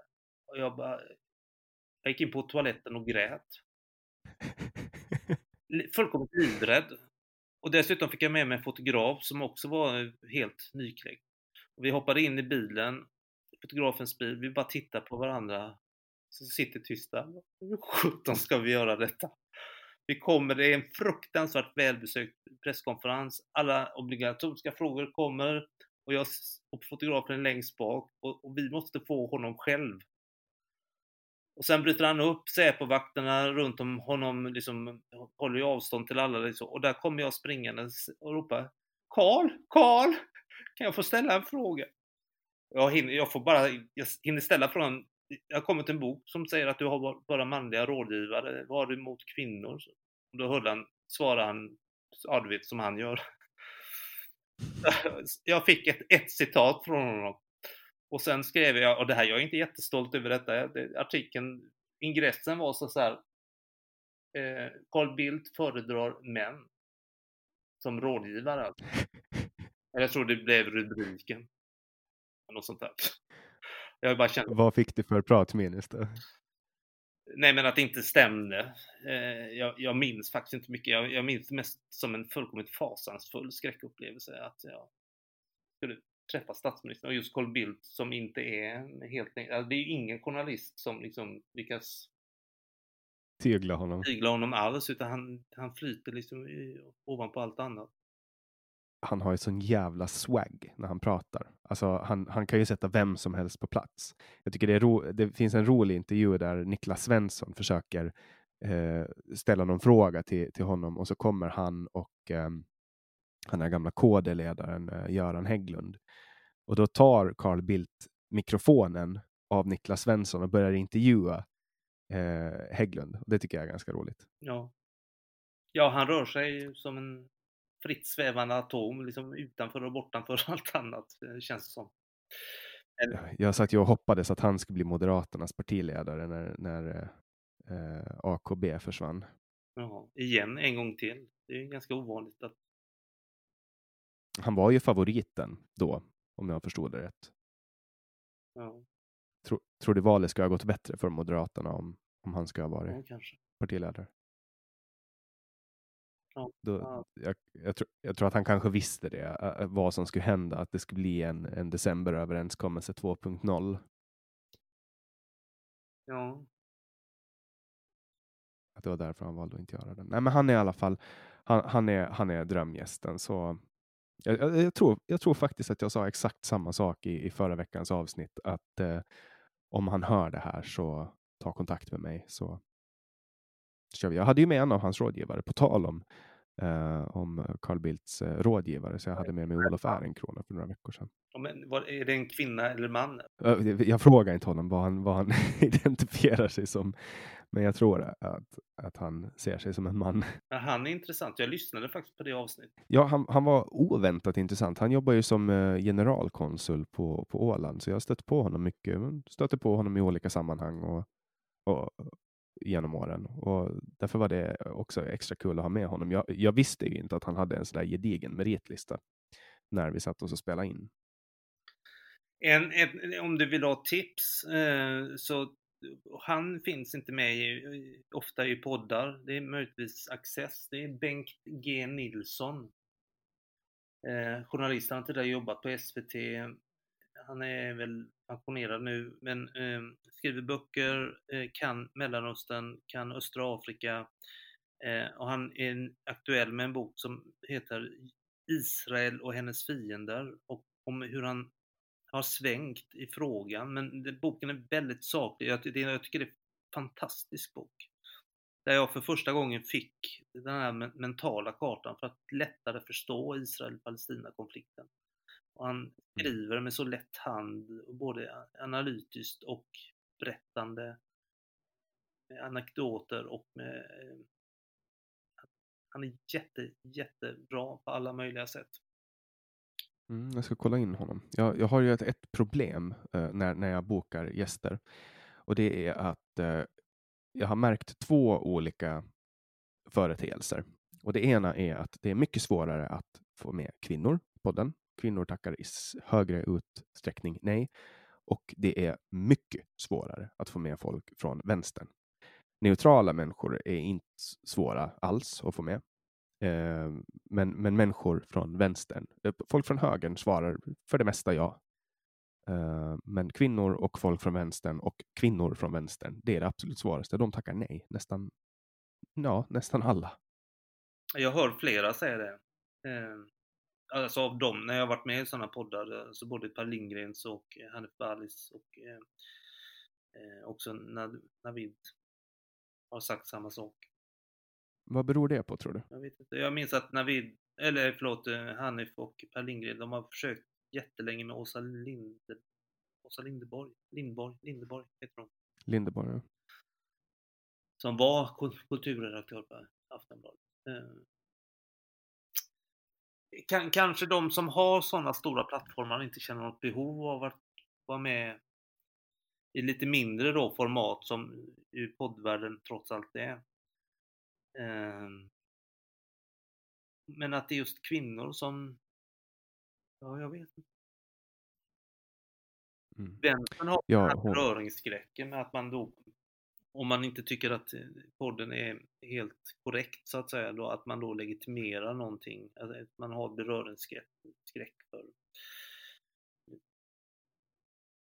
Det är också en Ja, magisk syn på, på tillvaron, liksom att, att, att nå- någonting kan legitimera något annat bara för att man säger själv vad man tycker, för att någon annan har varit där och eventuellt skulle kunna tänkas vara fel ute. Eller, ja.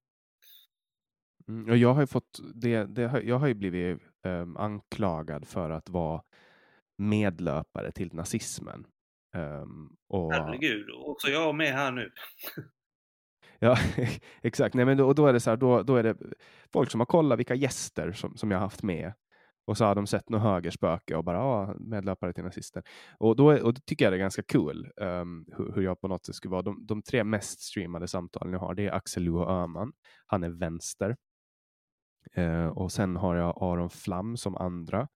och han är ju höger då, men han är ju jude. Och det känns ju osannolikt att jag skulle, om jag var en medlöpare eller hade någon form av sympati för nazismen, ta upp en, en jude, för att då skulle det vara det värsta som fanns. Uh, och sen då Jakob Gudiol som inte är politisk överhuvudtaget, utan han pratar mest om träning och, och så. Mm. Uh, det är de mest tre, men, men tydligen, det, folk upplever det problematiskt att Tino Sanandaji har varit med. Han är ju forskare då, nationalekonom. Så det blir svårare och svårare. Men, men samtidigt så när jag frågar folk, jag, jag, frågar till och med flera människor från vänstern om de kan tänka sig att vara med i podden. Eh, men jag får nej. Och sen frågar jag någon från högern och då får jag med direkt. Liksom. Ja. Och, och det här tycker jag, jag, jag, tycker det är tråkigt. För att det blir ju, det blir ju på något sätt att man på något sätt ofrivilligt blir att jag vill ju kunna lyfta upp hela politiska spektrat, men om ena sidan gör det svårare för, för mig att göra det, då är det ju ja, då är det ju inte mitt fel.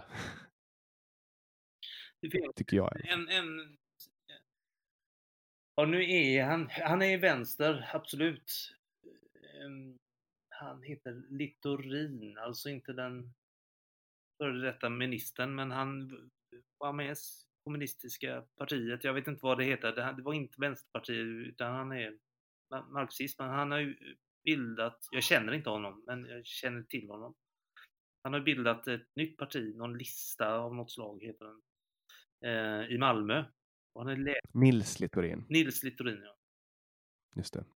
Han lämnar, han lämnar ju eh, kommunismen.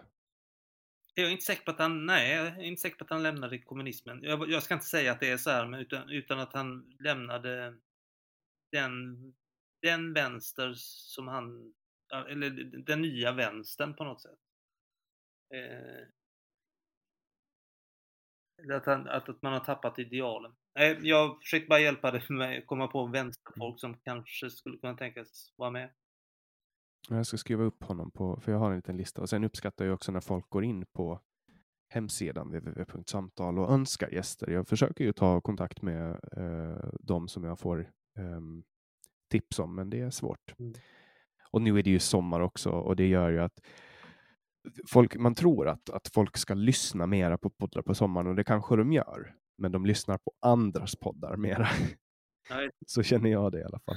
Ja, men du, förresten, jag, ska bara, jag måste ju, vi är goda vänner, vi är väldigt nära vänner. Göran Adamsson, docent i sociologi, hans, ett samtal kring eh, svensk mångfaldspolitik, en kritik från vänster. Är han vänster då? Ja, han skriver åtminstone från vänster. Eh, mm. han är extremt kunnig på Orwell, George Orwell. Eh, fruktansvärt. Jag har förstått att Orwell var vänster. Ja. Och det tycker inte jag att framkommer så jättebra när, man, när jag har dragit slutsatser av hans litteratur. Mm. Jag vågar inte, eller jag är inte tillräckligt påläst på honom, men Göran är det och Göran har oerhört intressanta analyser av På ett sätt ligger vi lika, mm. han och jag. Eh, han, han, pratar inte alls om klan, men, men, men analysen omkring det mångkulturella samhället och, och eh, han, menar ju att, om jag nu eh, gör honom rättvisa, att hög, yttersta högern och vänstern möts i, i sin, exotifieringen av kulturer. Vänstern exotifierar andras kulturer och förnekar den egna och högern eh, betonar den egna och föraktar andras kulturer. Så att säga. Någonstans där möts de. Men han, han formulerar det mycket bättre än vad jag gör. Men det, det är jätteintressanta resonemang. Mm. Ja, jag ska se om jag får med. Sen, sen får man ju också försöka. Jag har ungefär 60 procent av de som lyssnar är män och 40 procent är kvinnor. Uh, och, och, då vill jag också att det ska synas i mina gäster.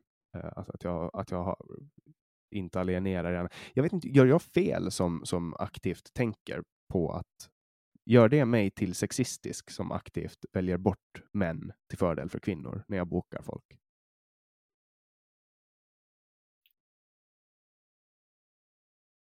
Nej.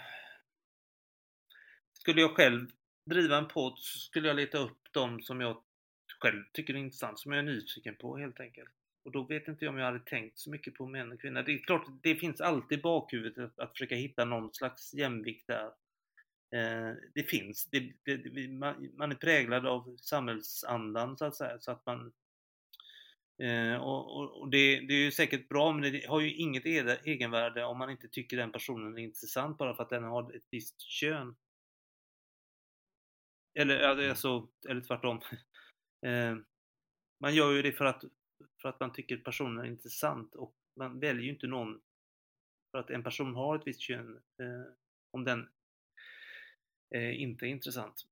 Nu börjar jag bli trött i mm. huvudet så jag vet inte vad jag tänker. Jag tycker att det här blev jättebra och trevligt samtal och um, tackar så jättemycket för att du kom hit, Per Blinkemo. Tack så hemskt mycket, jätteroligt. Och till alla er som har lyssnat ända till slutet vill jag också tacka er och till er som återkommer vecka efter vecka och speciellt till er som ger feedback vill jag rikta ett jättestort tack.